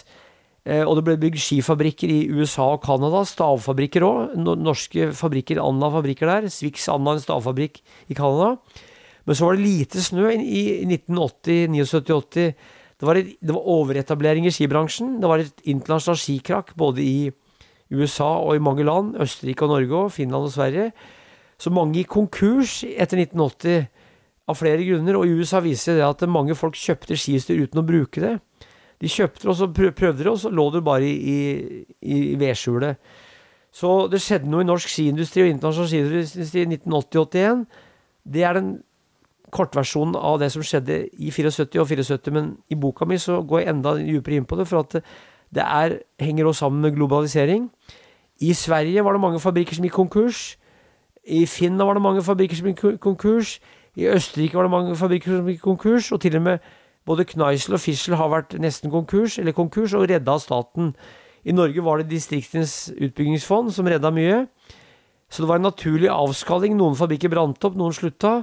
Ivar Holdersen ble pensjonist i 1984, han var født i 1917. Så det var det at noen ble eldre, og hvis du skal se skiindustrien, må du ta internasjonale forhold hensyn til det òg. Og det samme skjedde i alle land, men noen store fabrikker sto igjen. I Norge var det Matsus, i Østerrike var det Fischer, i Frankrike var det Rossignol, og i Finland var det Jerven og Karu. Og i Sverige var det enda dårligere stilt, der var det Edsbyen.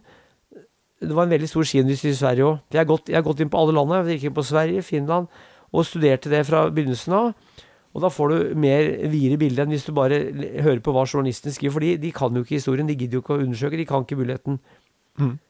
Men, øh, men, eh, når øh, Oddvar Brå da vurderte å gå over til Fischer, altså det blei jo litt et sånn nasjonalt anliggende. Han var under et voldsomt press. Enormt. Og Skiforbundet de sa fra, og der satt jo presidenter og andre, og Oddvar var jo 23 år og hadde ikke noen advokat, han.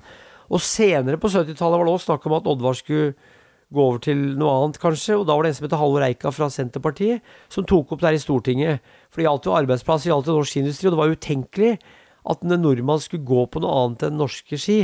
I hopp så hadde jo norske hoppere hoppa på norske hoppski fram mot 1960-tallet. Det var Hovde hoppski og Splitgen hoppski. Men så kom det jo østerrikske ski. Men fortsatt på 70-tallet så hoppa norske skihoppere på norske hoppski splitgen stort sett, og Kongsbergski. Og det tapte de sannsynligvis en god del på. Eh, men det var det at eh, svensker gikk på svenske ski. Finner gikk på svenske ski, så hver land hadde sin skiindustri. Og den holdt de seg til. Østerrikere i langrenn og i Øst-Tyskland i langrenn gikk ofte på Jervinen, og noen utlendinger gikk på Landsem. Så det var noen som brukte Jervinen i langrenn, men i alpin så slutta den norske skiproduksjonen på 60-tallet, for da begynte de å bruke østerrikske ski. Så kom det veldig mange billige ski fra Øst-Europa, fra Polen og Tsjekkoslovakia, som overrisla det norske markedet, særlig i barneski. Så det er en ganske kompleks historie. Altså, for du vet, Dess mer det går inn på et emne, dess mer komplekst blir det. Så jeg prøver å gi et, en oversikt der uten å bli for komplisert. Mm. Men um, Var ikke det alt det du visste? Nei, det var ikke det. Når kommer Peltonen inn i markedet? Vet du hva det er for det? Sånn, er det? Er det en sånn gammel fabrikk som er liksom eh, gjenoppstarta under nytt navn, eller? Det vet jeg ikke, men de lever jo ennå, tror jeg. Ja. Og de har vært ganske offensive i Norge. Og du hadde jo Hjelmeset, gikk jo på Peltonen i OL i 2010. det var jo kanskje ikke den beste reklamen for rubbskia deres, nei, det... nei, det var en tabbe kanskje. Men Peltonen har jo hatt, uh, har vært ganske stor, relativt stor i Norge. så jeg vet jo at Karo har vært store, da, og Jervinen. Og Peltonen. Jeg tror Finland var litt tidligere ute i Norge med å få en avskaling av skifabrikker. Men mm. for sånn som i Sovjetunionen vet at det var en fabrikk som før krigen produserte over en million par i året. For Splitken var den største fabrikken i den vestlige verden, fikk jeg greie på i 30-åra. Og de solgte jo lisensproduksjon av limte ski til i hvert fall 14 land i 30-åra. Han tjente penger på det, Peter Østby, som var gründeren der. Men, eh, men jeg, jeg, kan ikke Peltons historie. Karo vet jeg er eldre. Men eh, Pelton er mora til elever, og Harry Kiwisnemme, som var uh, fin skiløper, han var på et tidspunkt inne på Eisha i Karus, så vidt jeg vet. Og ofte har det vært skiløpere som står bak skifabrikkene. Det er ikke det Matsus. Martin Matsus var fra Vardal, begynte å jobbe på noe som het Englene skifabrikk, som lå på Gjøvik. Starta egen fabrikk, men noen av skifabrikkene er stifta av skiløpere. Som f.eks. Splitken, han var jo skiløper, han Peter Østby. Og, og Gjøvik skifabrikk på Gjøvik var jo starta av en som het Olaf Hofsbakken, som var verdensmester i kombinert i 38. De Matsus brant, det lå på Gjøvik, brant i 36, så ble det starta Gjøvik skifabrikk, og så ble Matsus flytta til Biri og Lillehammer. Så det er en ganske artig historie, den der skifabrikkhistorien, og ikke, ikke, så godt kjent, for det har jo ikke så mye med idretten å gjøre, og det er mer industrihistorie og håndverkshistorie. Veldig mm. artig å lage den boka som, som, jeg sa, som kom i 2007, som, som jeg brukte lang tid på. altså Det var en veldig veldig omfattende jobb, men jeg er glad for at jeg har gjort det. Ja, ja og så uh, Altså, Landsem blei jo da til slutt oppspist av Matsus, ikke sant? Det gikk vel konkurs 1.3.1987. Kjøpte opp av Matsus da, så vidt jeg vet. Så flytta de Noe produksjon fortsatte i Rindal, og så ble det lagt ned, tror jeg, 1988 ca., produksjon i Rindalen. Men det fins fortsatt landstrømski som lages i Ukraina, eller i hvert fall i Øst-Europa. Så du kan kjøpe både landstrømski og splitgrenski. Noen tusen par lages i året. Så vidt jeg vet. Jeg har ikke sett det de siste åra, men jeg har hørt at det blir lagd. Det lages på lisens. Men det, det lages på de samme fabrikkene som, som andre verkevarer. For en del, de, en del, av de, mindre gode skiene lages på de samme fabrikkene. Jeg tror det var mye i Ukraina, i hvert fall før krigen. Og i Øst-Europa, noe i Kina kanskje, lages på samme fabrikken og har forskjellige labels, forskjellige merkenavn. Ja. Men det fins altså. Mens Matsus lager godskia, lages på Biri. Mm. De vil ikke flagge ut det, for det, det krever ekstra fagkunnskap. Men, men, de skia som ikke er så bra, de kan lages på samme sted, og så putter de på forskjellige merker. Mm. Og for eksempel så har jeg hørt at um, de store fabrikkene eies jo ofte av investeringsselskaper, så det kan være samme eier hos rivaliserende konkurrenter. Ja, det er vel ikke utenkelig. Det, det jeg syns er litt snodig med skiindustrien, er jo at på det her med såler og glid, at de ikke klarer å lage en jevnere og mer forutsigbar kvalitet. At du må ha liksom skiplukkere som uh, går på fabrikken og plukker ut de uh, parene det er mulig å gå Birken på under tre timer med. Jeg vet, og det har jeg tenkt mye på. Jeg har vært på Matsus og fått forklaringer på det. Jeg er ikke ekspert, jeg kan ikke si hvorfor. Men det er altså så tydeligvis så vanskelig å lage ski som er like gode. Mm. og Problemet er jo at uh, ski kanskje ikke er like. Et par skal jo være like gode. Du må ha ski som har like god såle på samme paret. Så det der er veldig komplisert. Og det er masse historier om hvordan uh, Så du burde egentlig tatt en tur til Matsus og snakka med de som kan det. altså. Mm. Jeg har vært på Matsus senest i, i, vinter. Jeg har vært der tre ganger, fire ganger. Jeg skrev jo en bok om skifabrikker og var på Matsus. Og sist jeg var der, var i, i vinter. Og da var jeg inne i det aller helligste og fikk høre på gutta prate. og så ta en tur til Matsus og hør, for da, de kan virkelig det som driver med der. Altså. Ja, det vil jeg... Svenske som heter Håkan Nordbekk, og, som er svensk, altså, men han jobber på Matsus. Mm. Ja. Ok, ja. Det er litt Håvard Moheim og en kar som jobber der. Håvard Moheim fra Øyer. Han jobber der også. Ja, han var jo en relativt god skiløper var i sin tid. nesten så på landslaget. og Var med på det der Øyerlaget i stafett som gjorde det ganske greit. Jo, de vant jo NM i 86 og 87.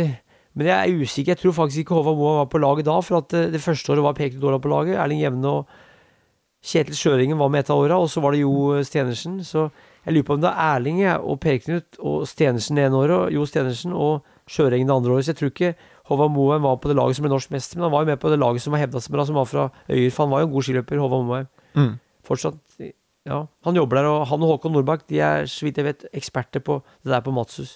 Og sikkert noen flere. Men jeg tenker òg at eh, sant, altså det der med eh, kommersialiseringa eh, Jeg husker jo Jeg kan jo ikke historien, men jeg mener at bl.a. Lars Erik Eriksen fikk en del sånn pepper rundt noe med sponsing og penger og Altså sånn utover 80-tallet at, at sporten beveger seg i en retning hvor du da faktisk kan mer og mer, og mer leve av det. Det var jo kommersialisering tidlig, for at eh, i 1888 på den første femmila så fikk jeg vinneren en premie verdt 400 kroner. Den solgte han og dro til USA, så Toris Hjemmestad solgte en premie, han.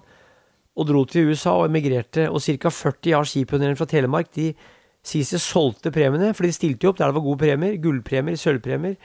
Så det var, og det var en slags kommersialisering. Og nummer to på den femmila til 88, han het Peder Eliassen, han fikk en premie verdt 80 kroner og solgte den og dro til Amerika. Og Nansen tok jo flere tusen kroner for et foredrag. Så du kan si at det har vært en slags kommersialisering, men ikke på den måten det er i dag. Men kommersialiseringa speiler jo samfunnet. F.eks. hvis du går til 20-tallet. Torleif Haug fra Årkvisla, som vant fem eller seks ganger. Han gikk for Dravn. Senere, han fikk jo penger av en mesen i Drammen for å overleve, ikke for å bli rik, men for å ha råd til å ta seg fri fra tømmerhogst og vinter, for da var de beste skiløperne løsarbeidere. løsarbeidere. Så de hadde ikke noe inntekt, og det var innsamling av penger i en hatt eller på lokalet. De skrev seg på liste på landhandelen for å gi 50 øre eller kroner til skiløperen.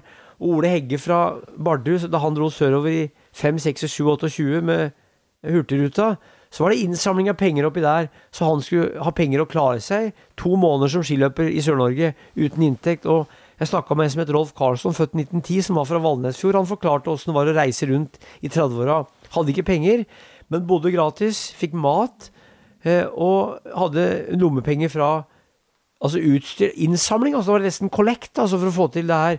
For de beste skiløperne var fattige, og kanskje hadde de tjent litt penger på tømmerhogg som høsten. Eh, og i Sverige så begynte det kommersialisering tidligere, for der var det allerede før krigen pengepremier. Vi vet at det var pengepremier, for det, det fins bøker på svensk som beskriver pengepremier i skirenn på 30-tallet. Det var pengepremier i Norge òg, men det var mer til unger. F.eks. kunne få en krone i et bygderenn.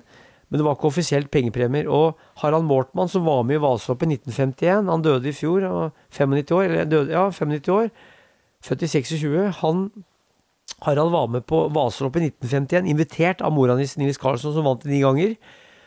Han kom dit, og da ble henvist til et rom i kjelleren der, og da fikk han for første gang reisepenger. Fikk penger, altså racepenger. Det var 51. Og det ble sagt i Sverige at de fikk penger, men så begynte de å få ting, gjenstander. Nils Karlsson, han fikk ting, og noe solgte de. Så det var en slags pengeøkonomi. Det hadde vært i friidrett òg, for det henger sammen med andre idretter. Og under krigen så ble Gunder Hegg fra Sverige og Arne Andersson de ble diska etter krigen for å være proffe.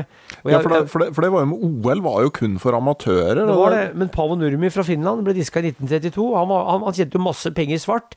Han ble diska av Det internasjonale olympiske forbundet og fikk ikke lov til å være med i OL i 32. Han dro over med båten til Los Angeles skulle være med maraton. Han hadde løpt jævlig bra. Løpt på 2, noen og 20 på en testløp over fire mil. Han ble aldri diska av det finske forbundet, han ble diska av det internasjonale olympiske forbundet. Jesse Owen, som vant tre OL-gull i 1936 som sprinter og lengdehopper, han ble diska som proff eh, på 30-tallet. Det kan sammenlignes med doping i dag. For de tok de store. De tok de store. Det var en som het Avery Brundage, som var med sjefen i IOC da. Han var, han var mangemillionær sjøl. Han ville ikke at noen skulle drive idrett for penger. Han tok, til, han tok svenskene da, Gunder Hegg og Arne Andersson. Og Jeg besøkte Arne Andersson, Arne Andersson i 2007, ja, da var han 90 år. Han, Under krigen så tok han én kronometeren, sa han. Så løpet en 3000 meter tok han 3000, og løpet en 800 løpet tok han 800 kroner. Og han hadde fått ca. 40 000-50 000 under krigen, sa han. Svart. Det innrømte han. Og han ble jo diska. Han ble aldri, fikk aldri konkurrere mer. Nei. Eh, Men det samme var i Sverige i langrenn, sies det. Og det her kom til Norge på 60-tallet, og da var det reisepenger det ble kalt. reisepenger. Men det var jo ikke noen store penger, det var, det var snakk om å overleve. Og i skisporten i 70-åra så var det svarte penger. Ikke så mye, men litt. Og Eriksen han prøvde å få det her mer lovlig. For det skjedde noe på 80-tallet, som du sa. Og da var det en, eh, litt krangling og rivalisering og eh, uenighet, for det hadde med internasjonale regler å gjøre, som var veldig konservative. Og de norske måtte jo tilpasse seg de internasjonale reglene. For skulle du være med i OL, så måtte du tilpasse deg internasjonale regler. Det henger jo sammen, det lokale og det globale og nasjonale henger jo sammen. Og Eriksen han var jo Han gikk i Bjerke, hadde Terje Bogen som trener, og sto litt utafor og, og ville ha et eget opplegg. Og var en slags urokråke. Han var jo ikke det, men det ble litt bråk, for han utfordra vel Skiforbundet. For i Norges Skiforbund satt jo sterke maktpersoner da òg, som ville ha det på sin måte. Så det skjedde noe da, men så kom det jo privatlag etter hvert, og sponsorer, så det skjedde noe på 80-tallet der. Litt, eh, litt det samme som eh, Anette Bø, som kanskje var litt for eh, frittalende. Det var, det var litt sånt ut, uttaksløp til en VM-distanse, hvor hun vant, men ikke fikk stille. Ja, og så gikk, hun gikk jo over for Bjerke, Mm. klubben til Lars-Erik. Lars-Erik var fra Kolbotn, flytta til Maura, eller, eller opp i Nannestad, da. Og gikk for Bjerke. Anette Bø var fra Larvik, gikk for Bjerke. Hadde Terje Bogen som var litt omstridt. Han var jo Det var han som ga Brå Stoven i 82. Han var omstridt, og Det var han som starta sponsorservice etter hvert. det var det. Og han uh, gjorde veldig mye bra, han. Så han var jo i stallen til, eh, til uh, Bogen, Lars-Erik Eriksen. Og de utøverne de utfordra makteliten i Norges Skiforbund, og de utfordra vante tankemønstre, og de utfordra de um, reglene som var. Det måtte vel skje for å få en endring, så måtte du ha en diskusjon. Mm. Men var det ikke eh, sånn med det der med amatørprinsippet, var det ikke Oskar Mathisen, han som er avbilda med alle medaljene på kroppen, som for å være Han var amatør, men han hadde en gang pantsatt en pokal for å få penger, og så hadde han ikke hatt, ikke hatt råd til å innfri det pantet. Og dermed så hadde han da i praksis solgt den pokalen, og så ble det en kjempestrid om han da var profesjonell. Ja, akkurat den saken kan ikke jeg i detalj, men vi vet at han konkurrerte jo før OL. OL begynte jo vinter-OL begynte i 1924, og han, han hadde jo et løp i, i Oslo der hvor han gikk mot eh, gikk mot han eh, Bobby McLean, og fikk jo masse penger for det. Så han var jo profesjonell. Han ble jo det, og det betydningen var jo ikke at han ikke jobba for å være profesjonell i idrett. De fleste hadde jo jobb ved siden av, men de var profesjonelle i den forstand at de fikk penger. Eller mottok penger, for det var en stor diskusjon. Var skilærere profesjonelle? Ja, mente noen, for da jobba de med ski i yrket sitt. Og i England så fikk jo f.eks. roere, ikke, folk som var fiskere, fikk ikke lov til å være med i rokonkurranse, for de rodde jo i jobben. Da fikk de trening i jobben. Så jeg kan ikke den, den historien om Oskar Mathisen, men han er en veldig interessant type, for han, han, eh, han var jo superstjerne etter datida, og konkurrerte mye Davos og gikk i Kristiania, og fikk jo masse penger for å gå mot Bob McLean, og det var jo flere årslønner. Han endte for øvrig tragisk. Han skjøt jo kona si og seg sjøl i påsken 1954. Hun var jeg tror hun var sinnssyk. Hun bodde hjemme nede på Majorstua. Han jobba i sportsforretningen som het Eriksen, hvor han jobba mye i mange år. Solgte skøyter og hadde litt problemer, så det var tragisk endelikt han fikk. Ja.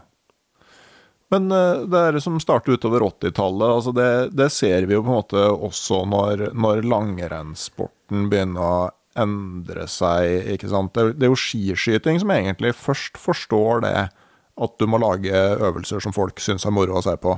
Ja, men altså du kan si det samme hadde vært i langrenn nå, for at det, det var noe som het Skansenlopp i Sverige, som var et løp som gikk i Stockholm. Og du hadde monolittrenn i Oslo fra 1954, så det var litt av det samme, det med parkrenn og Ja. showrenn. Så de hadde showrenn om våren, og parkrenn, du hadde Lillehammer-rennet på Maja, men du hadde vi på Gjøvik, du hadde mange steder, så noe av det samme var der, men det var jo ikke på TV-en. Det var for publikum, og da hadde klubba mulighet til å ha masse tilskuere og selge buljong og pølser og sjokolade og brus. Så det var noe av det samme som de drev med i 50- og 60-åra. Så hvis du ser på hva de skriver, de som prøver å hype opp langrennssporten, Kristen Kvelde f.eks. i 60-åra, så er det det å få, det populært. For på 60-tallet kom jo TV-en. August, august 1960 så begynte NRK å sende fast. De hadde hatt prøvesendinger før. Og det første store begivenheten var jo OL i Roma i 1960, og det første store på ski var VM i Zakopane i 1962. Så det var en gradvis overgang, men langrennssporten på 90-tallet begynte å legge om, lage nye øvelser. Sprint, Skiskyting, som du sa, det ble mer eh, tiltrekkende og mer attraktivt å se på. Før var det jo en annen kaliber på våpna. Det var å skyte, og det så ikke noe særlig spennende ut. Så de, de fikk fellesstart. Så det skjedde noe der fra 90-tallet og utover. Og eh, i tillegg så begynte TV-en å dekke det mye nærmere. Du fikk tettere dekking av både skiskyting og langrenn. Og skiskyting er jo egentlig en skyteidrett. Folk ser en sånn bong som detter ned. Det er en skyteidrett. Det er det som er spennende, syns de fleste. Mens langrenn fikk jo sprint på slutten av 90-tallet, eller andre halvdel av 90-tallet. Og fellesstart og intervallstart eh, om hverandre i jaktstart. Så sporten forandra seg ikke, den ble forandra. Mm. Det er forskjell. Den ble forandra. Mer tilpassa sånn de trodde at media syntes det burde være. For det ble mye mer TV-sendinger av langrenn. Og var noen som mente at det var kjedelig å se intervallstart enn fellesstart.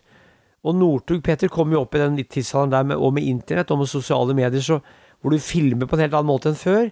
Før var det kanskje to-tre kameraer i skogen. Nå er det droner. Det er scootere som kjører langs løypa. Det er, media dekker det på en helt annen måte. Så inntrykket av det teatret som langrenn er, det forandrer seg for, for, seeren. Fordi du ser det på en helt annen måte, så utøveren kommer nærmere. I stedet for at utøveren på radio var en mytisk figur som kanskje pusta litt tungt og ble intervjua på radioen med å svare ja og nei sju-åtte ganger, så fikk du Gjermund Eggen i 60-åra som gikk på ski. Du kunne se han. Fortsatt var han fjern. Så var det Brå på 70-tallet. Det er det jo Ulvang på 80-90-tallet. Og så kommer det 2000-tallet med det er en tett både overføring av alle worldcuprenn, flere worldcuprenn, og at du følger løperen tett eh, før, under og etterpå, som gjør at eh, tilskueren kommer nærmere innpå, og da blir utøveren framstår annerledes og blir mer gjenkjennelig og mer helhetlig, og eh, i stedet for at den bare er mytisk og mystisk og på avstand. Ja, og så, så kommer jo på en måte Petter Northug som en sånn slags gudgave til sporten på det tidspunktet òg. For han kommer jo på eksakt riktig tidspunkt. Helt riktig. Hjelmeset ble verdensmester i 2007, men han var, begynte å bli midten av 30-åra. Anders Haukeland begynte å bli midten av 30-åra. Estil var litt på hell. Norge hadde gode skiløpere, men eh, Northug kom opp. Han hadde vokst opp med, med fellesstart. Han hadde lært seg å spurte, han hadde lært seg å gå i felt.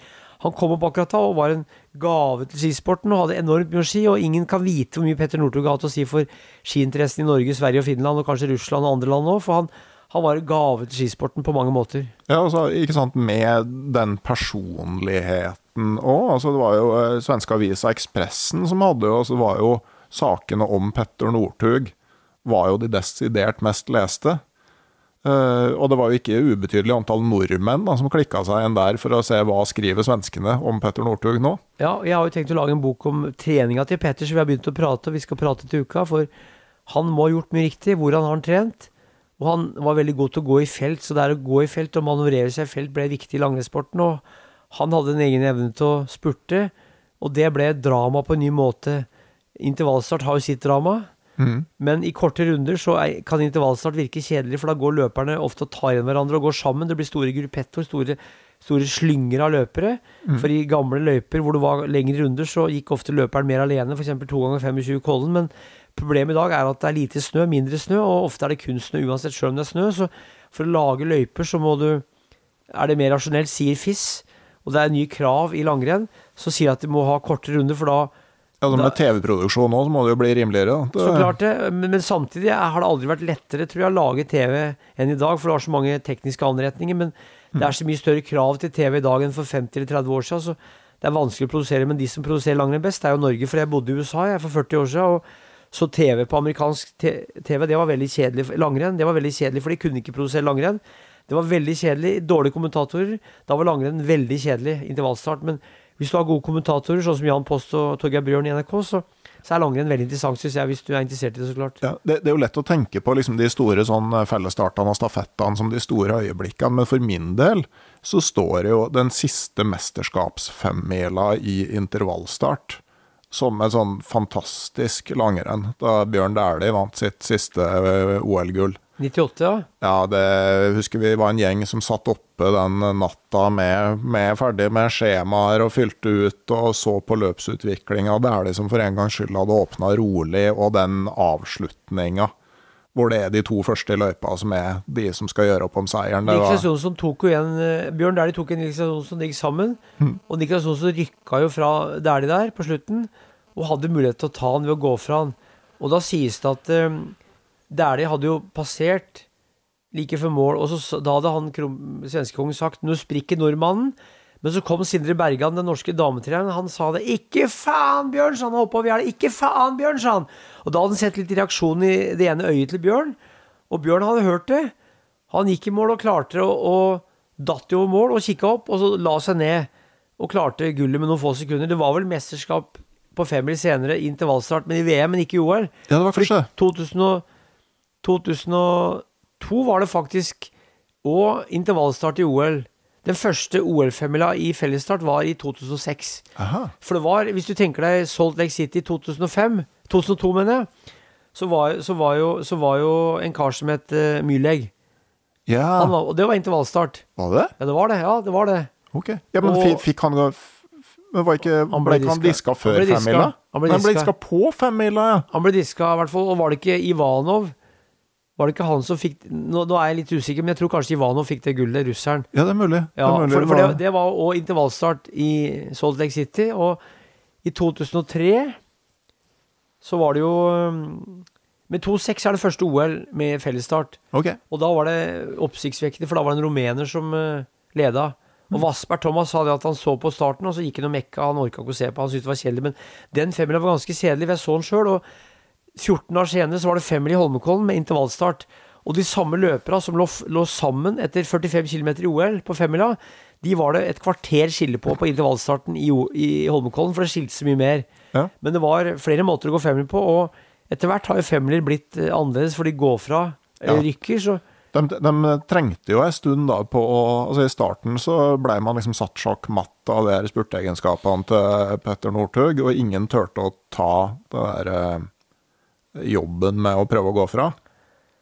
Ja, og så samme var det for damer, hvor Therese jo etter hvert ble den som rykka på tremil og alle distanser. Så femmila, det tok sin tid før intervallstarten, eller fellesstarten fant sin form. Den er jo kanskje enda eh, Du får finne minutter å gå på, men, men i hvert fall så mm, husker jeg òg mange femmiler intervallstart hvor spennende var i 98. Og Bjørn Dæhlie har vel aldri vært så sliten som da. Jeg spurte han ja, men tror han forkorta livet sitt. Han trodde ikke det, men jeg tror ikke mange løpere har gått så mye i kjelleren som han gjorde. Han var helt i kjelleren. og det er godt gjort at han klarte å vinne, for han vant jo femmila i 1992. Han har aldri vunnet femmila i Holmenkollen. Det er det.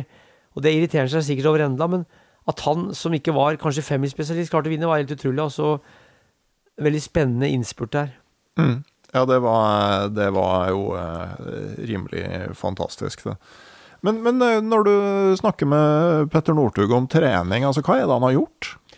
Det vet jeg ikke så mye om ennå, for vi har bare hatt to samtaler. Mm. Da har vi hatt mer oversiktssamtaler, så vi skal møtes øh, en gang i uka, eller i hvert fall ganske ofte utover, og, og prate, eller han skal prate om treninga, og det er treningshistorien. og det er jo mye livshistorien, for han har ikke gjort så mye annet enn å trene i perioder. Nei? Så når Petter snakker om treningshistorien, så er det jo og livet sitt, men ikke en biografi, men en treningshistorie. Hva har han gjort, og hvordan har han gjort det? Han må ha gjort mye riktig, og hvordan har han tenkt, ikke minst. Ja, hva du tror om eh, sesongen hans nå, når han skal satse litt mer seriøst på langløp? Nei, jeg tror han har god sjanse til å hevde seg bra hvis han går renn hvor det ikke er for mye stigninger, for han er jo sikkert best på de lette løypene. Og Vaseloppet tipper jeg passer han bra hvis han klarer å henge med hele tiden, så, så blir det farlig i spurten. Det er ikke sikkert han klarer det i vinter, men jeg vet ikke, vi får se, for det spørs hvor mye han legger i det, for han har jo oppnådd egentlig alt, nesten. Eh, Bortsett fra at han ikke har seier i f.eks. i Vaseloppet, så har han oppnådd det meste. Men det er helt avhengig av Hvis han får framgang og gjør det bra, så får han sikkert blod på tann. For han, jeg tror han tar litt på gefyllingen. Hvis han føler for det, så satser han hardere. Han, han har ikke noen forsvar, han har alt å vinne, egentlig. Mm. Og er med for moro skyld. Altså, han liker jo å være med der, der det skjer. Ja. Nei, og når, du ser, si. når du ser på Anders Aukland, som er 50 år og fortsatt er i gamet, så, så er han jo ikke for gammel. Overhodet ikke. Petter er jo 60 år, blir 37 år i vinter, og Anders er jo 50 år, så Anders er jo helt spesiell. Han har vært skiløper på 30 år på toppnivå, altså som senior. Det er helt spesielt. Og det er ingen i verden som har klart det, i noen annen idrett, så vidt jeg vet om. Eh, det er godt gjort, altså. Det er noen kvinnelig syklist, eh, var det ikke en som het Longo, som holdt på til var rundt 50 år, kanskje mer òg. Jeanne Longo, tror jeg, fra Italia. Men sykkel er litt mer skånsomt. eh, Men jeg vet ikke om hun var aktiv hele tida, men hun var sannsynligvis det. Så det er kanskje noen som har vært så god så lenge i andre idretter. Mm. Så har du en i hopp, da. Kasaye, Ja, han er vel Er det 50 år? jeg tror han er 50 år og skal Ja. prøve å slå seg tilbake på verdenscuplaget til Japan. Han skulle prøve å være med tror jeg, til OL i 19... Er det 26, da? Jeg har hørt at han skulle prøve det. Ja, ja det, er, det er offensivt. Definitivt. Altså, hva kan vi si om uh, måte, langrenns, altså, langrenn for de store massene? Uh, hvordan har det altså, Hvordan har det endra seg, og hvor er det på vei? Hvis du går til 1922 eller 1972 så jeg tror at mange flere gikk langrenn som tur i 1972 enn 1922. For det å gå tur i langrenn, det var noe som begynte blant overklassen. Det var de som hadde overskudd og tid til å gjøre det. De som gikk på søndag. Søndag var den store utfartsdagen. Bønder skulle jo hvile på søndag, skulle ikke trene. Men det å gå tur, det, det, det tilhører slutten av 1800-tallet og begynnelsen av 1900-tallet som rekreasjon. Arbeiderpartiet tok over i 30-åra, og da var idrett viktig som rekreasjon. Hvis vi går til 1972, som er 50 år siden, så vil jeg tro det at flere gikk langrenn i dag, relativt sett. For i Norge så har vi jo én million innvandrere, kall det det, eller flyktninger. Og de fleste de går jo ikke på ski. Det betyr at hvis du har 5,3 millioner nordmenn, så er det kanskje 17-16-17 som ikke har noe forhold til dem fordi de er innvandrere i landet ganske nylig. Det betyr at eh, en stor del av befolkningen går ikke på ski fordi de vet nesten ikke hva det er, tror jeg. Jeg vet jo ikke hva det er, men jeg tror det.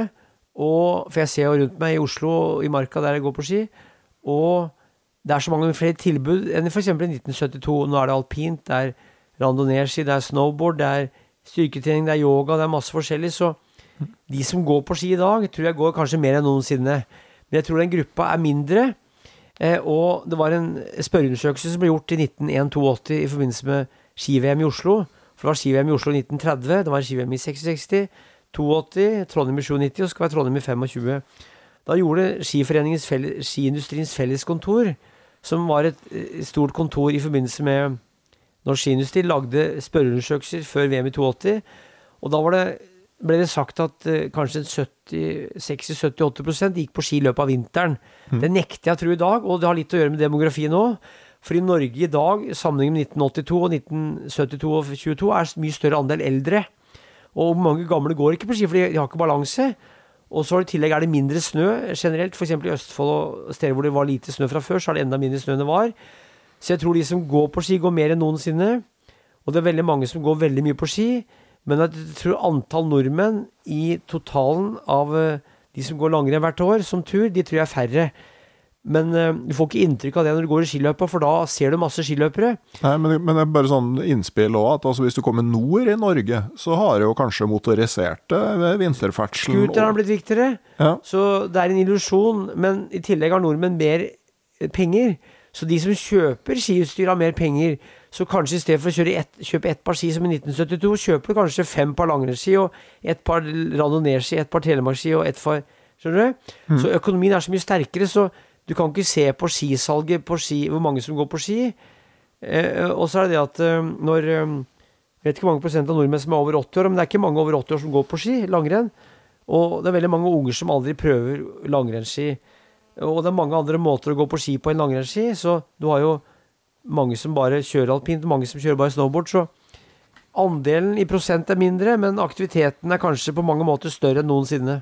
På en merkelig måte. Ja, og like fullt så er jo eh, det jeg forstår at uh, andre langrennsnasjoner er liksom sånn uh, hoderystende og himlende med øya over, er jo bredden i norsk konkurranselangrenn på juniornivå. Enormt. Og du vet at Norge har verdens beste løypenett. Scooteren kom jo kanskje på 60-tallet. Kom før i Sverige enn i Norge. Du hadde Wiesel, noen maskiner på 50-tallet. 60-tallet, men det kom på 70-tallet scooter og løypemaskiner i slutten av tiåret. Det er så veldig bra løypenett i Norge, så uansett hvor du bor, nesten så kan du kjøre en halvtime, så har du skiløyper. For det er jo fjell i Norge, vet du. Hvis du bor i Sogn og Fjordane ved havet og lite snø, så kan du kjøre til et fjell. Bor du i Bergen, kan du kjøre til Kvamskogen eller, eller Voss. Bor du i Stavanger, kan du kjøre til Sirdal. Mange har hytter. Den hyttekulturen i Norge, og det at det er fjell, gjør at mange har tilgang på skiløping ganske nært allikevel. Og fordi folk har biler, vi er et veldig bil kjønne folk, og det er bra, det. Så, for i Finland og Sverige er det ofte lengre til fjellet. Det er flatere i Sverige, det er flatere i Finland. De har ikke så mye fjell, i hvert fall sørpå. Fjella ligger mer nordpå der. Ja, Svenskene har vel i tillegg i stor grad lagt ned landsbygda. Så, ja, så veldig med, mange bor i de store byene langt sør. Det har noe med demografien og politikken å gjøre òg. Mm. Så Norge er i en særstilling, og Norge har alltid vært i landet med, med Nå er det, det landet i verden med flest aktive langrennsløpere er visst Russland. Ja. Det er jo stort. Det landet som visstnok har nest flest skiløpere, er visstnok USA, for det er veldig stort. Men det landet hvor langrenn er stort som folkeidrett, er jo Norge og delvis Sverige. Så i Norge er jo langrennsløpere veldig populære, og langrenn har en veldig eh, sterk plass i norsk folketradisjon, i norsk kulturhistorie, i hvert fall nyere norsk kulturhistorie, siste 150 åra. Så det er litt sånn som skøyteløp i Nederland, at det er veldig stort. Og løypenettet i Norge er unikt. Du har jo en hovedstad hvor det er kanskje 2000 km med løyper. Det er helt utrolig. Jeg har jo hatt amerikanere på besøk som besvimer av glede for at det er så fint å gå på ski. Vi bor jo på Korsvoll og går jo fra huset. Så det er, det, er, tilrettelagt så bra i Norge gjennom dugnad og gjennom private og andre løypeforeninger. Det er helt utrolig hvordan det er. I Trondheim, Oslo, Strom... Altså overalt er det skiløyper. Jeg snakka med en kar fra Arendal her om dagen. Så sur, om du får ikke gått på ski? Jo. Han kjører i tre minutter hvis det er snø, eller så så langt hvis det er litt mindre snø. Kjører han og går på ski i Arendal. Utafor Arendal. Sånn er det over Kristiansand det samme. Sånn er det nesten overalt. Altså at det er skiløyper en halvtime, maks tre kvarters kjøring. Og det kan folk kjøre på en kveldsstund og gå med huelykt. Ja, nei, og, og den skisporet-appen du, du bruker jo ikke mobiltelefon, dette, men eh, Jeg du, bruker dama sin. Av, Ja. til, av og til. Ja, for den skisporappen er jo eh, Den Jeg husker jo liksom når man måtte eh, Sånn i Gausdal i gamle dager, så måtte du ha litt sånn fagkunnskap om hvem er det som kjører løype den helga, når bruker de å stå opp, hvor er det de sannsynligvis begynner, og hvor kan vi dra da? Eh, Men nå kan du bare ta opp telefonen, og så ser du hvor det er kjørt og Genialt. Genialt. Og du kan se til og med når løypene kjøres, og jeg vet at på Korsvoll der jeg bor, så vet jeg nesten alltid når det er kjørt, for jeg vet hvem som kjører og hvor. Så jeg trenger ikke å sjekke det, for jeg går mest derfra. Men sånn er det jo i Brumunddal, der jeg ofte går på ski. Når de kjørte på Veldres Hag, eller i, i eller på, på Danseråsen, eller på i Vangsåsen, så det er helt genialt. og det er en blanding av det beste av det gamle og det beste av det nye. Skiløping er en urgammel måte å bevege seg på i snøen. På det hvite om vinteren. Og så har du de her høyteknologiske maskinene som er så gode. Så har du det høyteknologiske sporingssystemet som er en, en, en, en genial blanding av det beste av det gamle og det beste av det nye. Og fordi løypene er så gode å gå i, så får du et slags bedre utbytte. For mange går fortsatt i løssnøen. Jeg går mye jeg går i løssnøen, jeg òg, selv om høsten, for jeg liker å brøyte løyper om høsten. På nysnø, hvis det ikke er kjørt opp, så brøyter jeg løyper sjøl. Går opp i åkeren. Eh, I Oslo, til og med i Brumunddal har vi gjort det flere ganger de siste åra. Jeg har broren min for moro skyld. Og det er det her, den kombinasjonen altså av det gamle og det nye, det er jo utvikling Mhm. eh, på en positiv måte, som jeg syns er veldig morsomt. altså. Ja. Ingen kunne vite at det skulle bli så fint å gå på ski som det er i dag. Nei, det, og sånn for min del, altså det Sånn jeg bor i Trondheim. eh, Vi kjørte jo over eh, skiløypa 200 meter fra huset, og, og det Ja, det, det, er så fantastisk, og jeg Altså, en del av dem som har vært aktive skiløpere i sin ungdom, bruker jo veldig lang tid på å finne tilbake gleden ved å gå på ski når de gir seg aktivt. Men jeg, i hvert fall, jeg har aldri slutta å synes det er moro å gå på ski. Samme som meg, jeg har aldri slutta. Alle kameratene mine som gikk på ski i oppveksten, går nå på ski. De er i 50-åra. De fleste har hatt en periode det gikk mindre, for de kanskje studerte eller bodde selv ikke var så mye snø, men jeg har aldri slutta heller, og holdt på hele tida. Og de finner tilbake skigleden, de har skiteknikken. Og husk på, i dag har vi et arbeidsliv som er delvis avfysikalisert. Voksne menn sitter jo og fingrer som små ekorn foran datamaskiner og på mobiltelefoner. Og da er det viktigere enn noensinne å gjøre noe annet enn- det. Du må ha en motvekt, og da er langrenn perfekt, for da bruker vi mellom 600 og 630 muskler. Det er mer oksygen i kald luft, og vi lever i det jeg kaller et fingertrykkende samfunn. Det er min, jeg har patent på det ordet, et fingertrykkende samfunn. Og det er å fingre, og det er å sitte ved en datamaskin, som jeg sjøl gjør. Men det er klart, da har jeg behov Jeg bruker én finger på én hånd når jeg skriver bøker.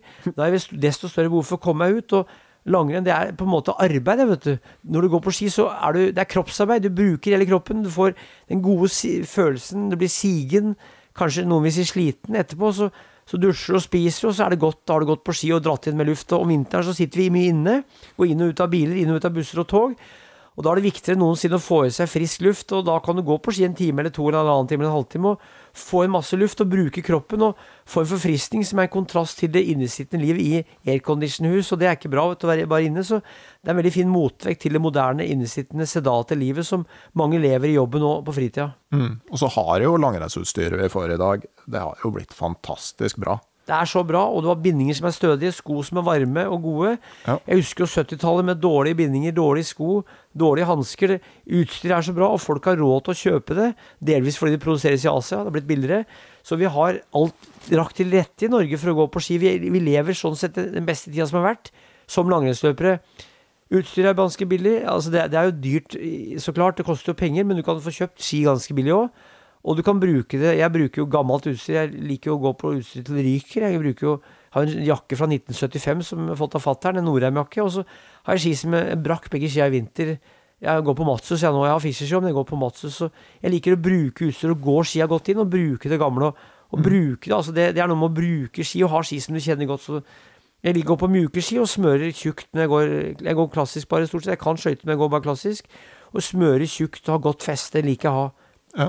Jeg, har tatt opp igjen skøytinga. Eh, Jeg var jo aktiv langrennsløper. Det er jo en, eh, akkurat sånn som deg, men det, er jo Du er født i par og 60, var det? 65. 65, altså det er omtrent ti år mellom oss. Og det betydde jo at du måte gikk ut av junioralderen før skøytinga kom. Jeg bodde i USA i 82 og skøyta mye som 17-åring der. 18-åring. Ja. Og gikk skirenn i Norge med skøyting. Men da jeg ble senior, det første året var 1986, og da Jeg skøyta faktisk en god del da, og på rulleski, så jeg lærte meg skøyting. Men, men jeg gikk ikke skøyterenn som senior, for jeg gikk jo turrenn, og det var klassisk.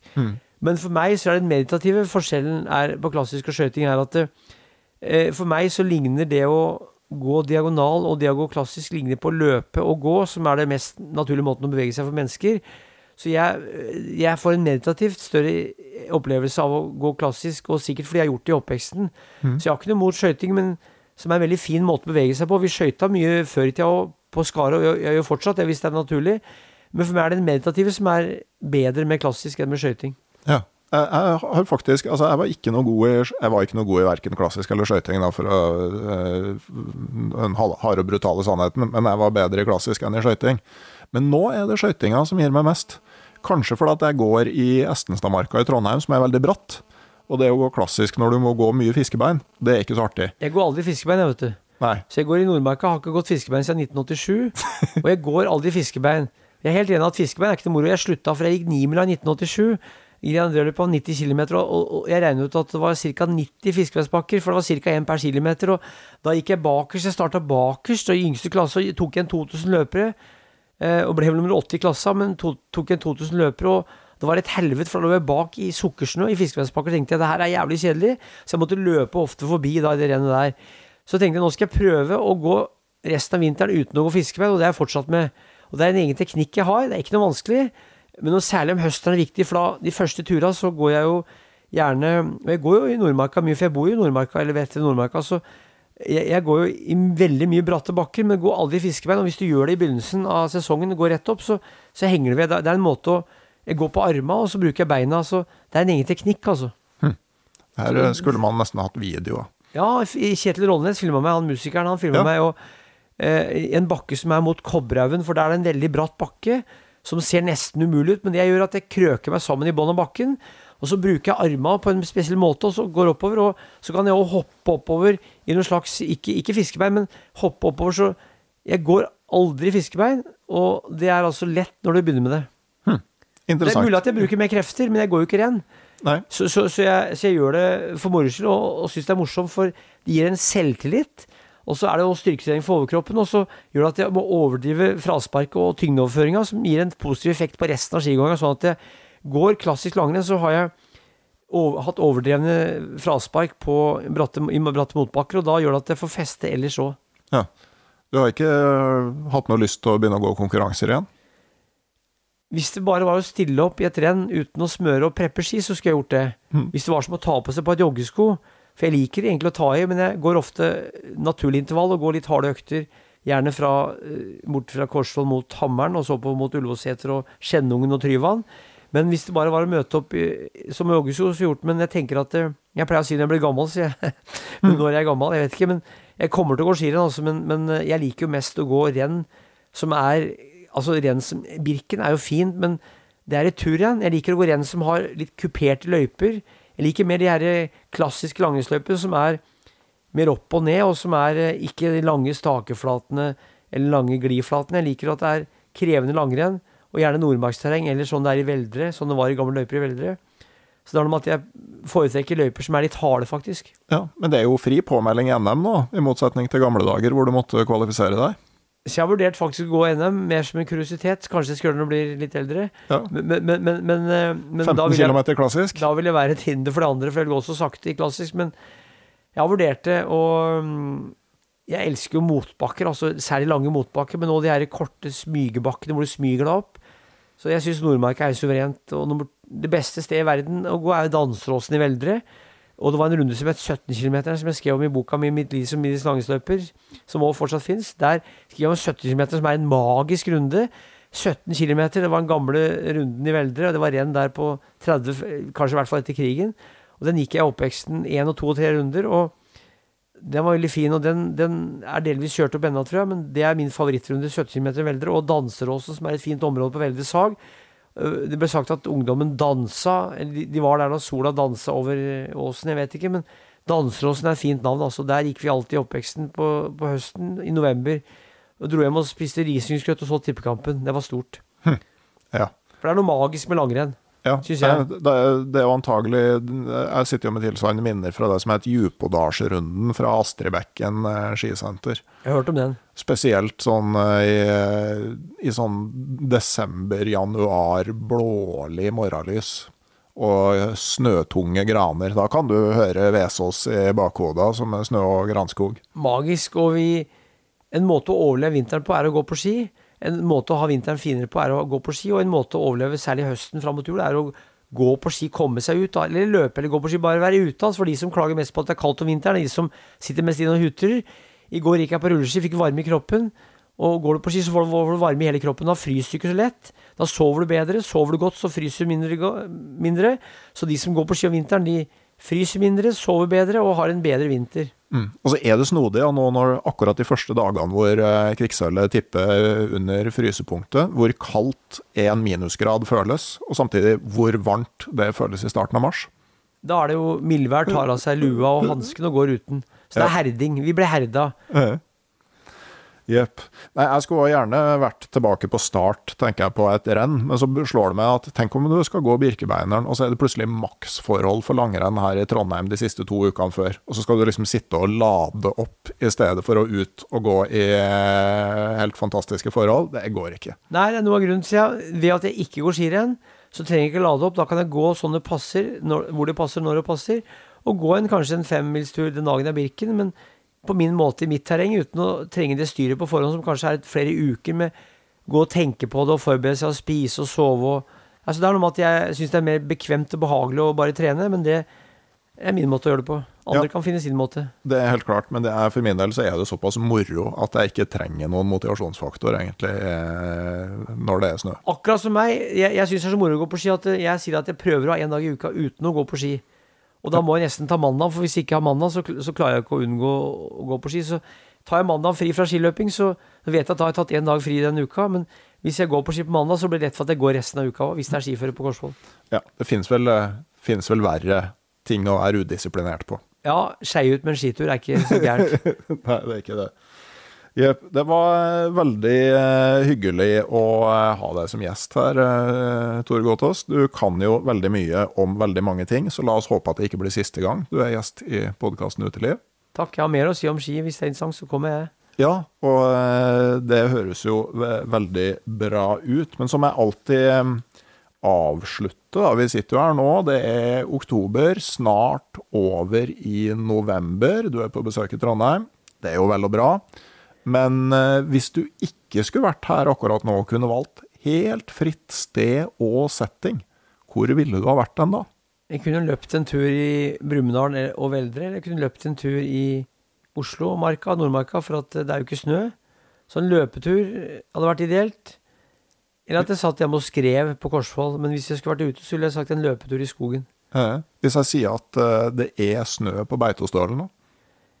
Jeg Nei, det er på fjellet, det. Jeg liker jo Nei, jeg, jeg er fint på Beitostølen, men jeg, jeg tenker at eh, jeg pleier ikke å dra så langt. Nei. For at eh, jeg har jo ikke noen bil. Jeg har lappen, men ikke bil. Og det er klart, hvis noen tilbød skyss, og, jeg skulle dit, så ville jeg blitt med dit, så klart. Men jeg pleier ikke å dra så langt for å gå på ski på første turen. Jeg, området mitt er eh, Hedmarken, Gudbrandsdalen eller Sjusjøen, så jeg ville ikke dratt til Beito, for det, men jeg ville dratt til Gåsbu og Nybygda og Brumunddal og Veldre hvis det var ski der. Mm. Beito er Jeg har vært der mange ganger, men det er litt utafor min kan vi si, revir, altså. Ja, Så du ventet til snøen kom etter deg? Jeg vet at det er skifører på Beitostølen, var det ikke på flyet?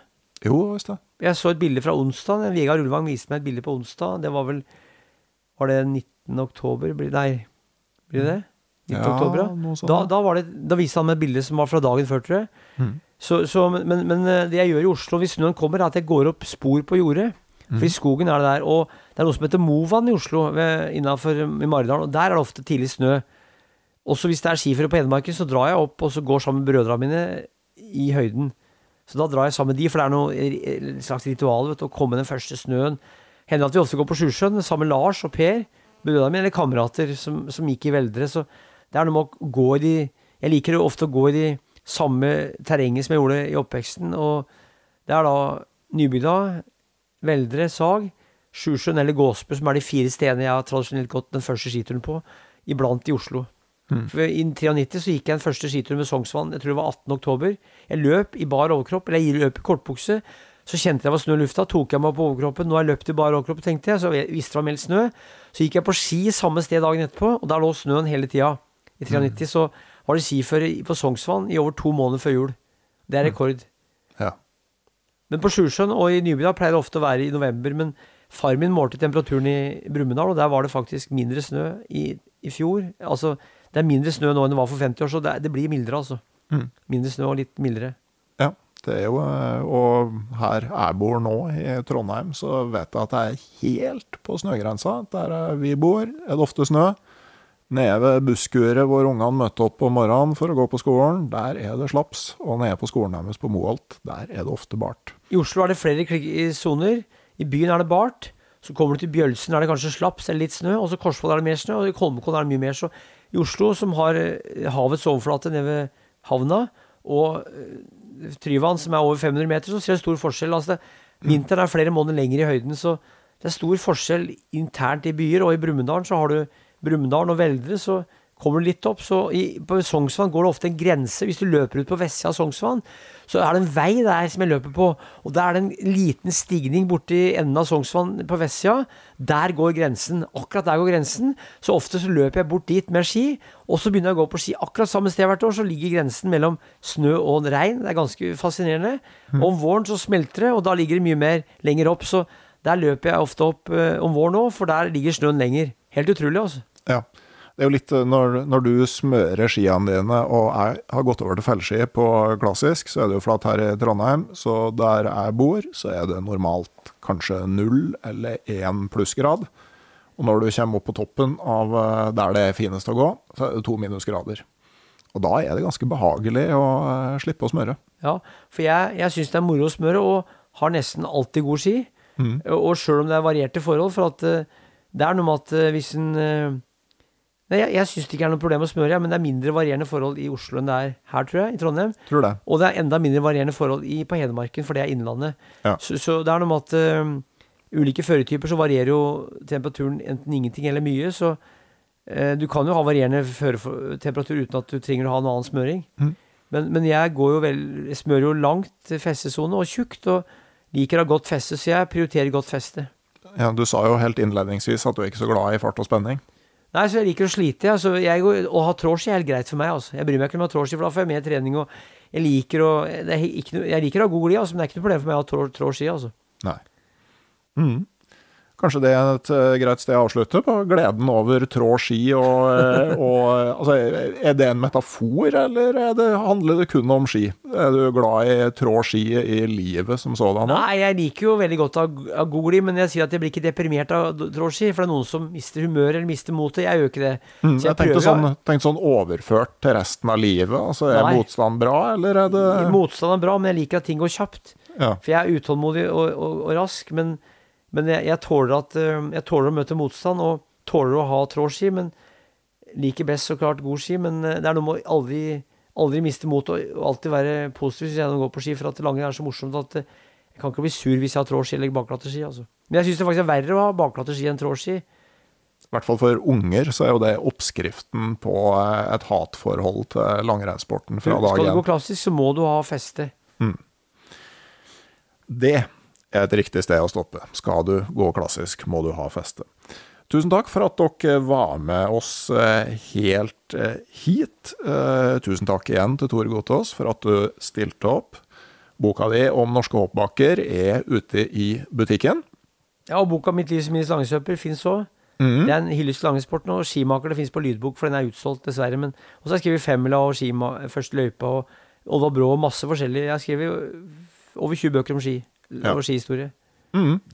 Sjekk det ut. Eh, tusen takk også til det digitale turlaget på Patrion, som eh, måned for måned vokser og sørger for at podkasten Uteliv holder seg på beina.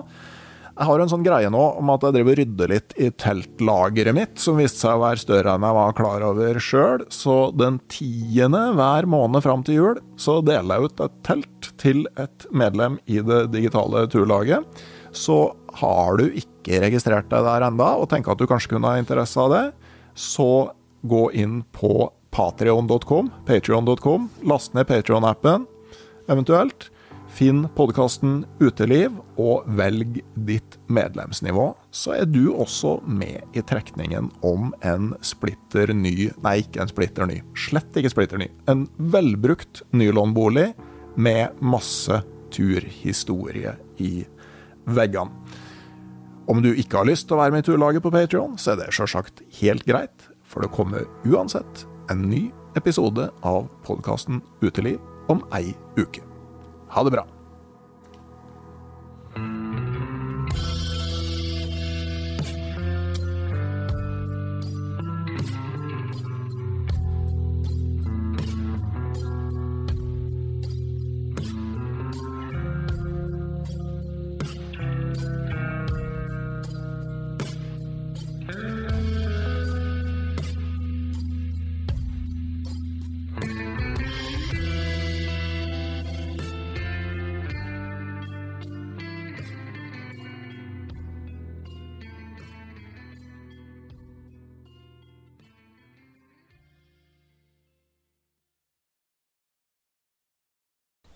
Hei, jeg heter Nore Helligsen og er daglig leder i Barents Outdoor. Det beste vi kan gjøre for planeten, er å redusere forbruket vårt og få mer ut av det utstyret vi allerede har. Men vi vet av erfaring at bruken av telt kan endre seg over tid. Det teltet du kjøpte for to år siden, passer kanskje ikke det behovet du har i dag. Derfor har vi i Barents etablert en egen panteordning der vi tar imot brukte telt av god kvalitet i innbytte når du kjøper et nytt av oss. Prosessen er enkel. På barentsoutdoor.no gir det oss informasjon om teltet du vil bytte inn. Basert på det får du et tilbud fra oss som gir deg rabatt på ditt neste Barents-produkt. Mer info og betingelser finner du på barentsoutdoor.no. Og husk at den første reparasjonen på produkter fra Barents er alltid gratis.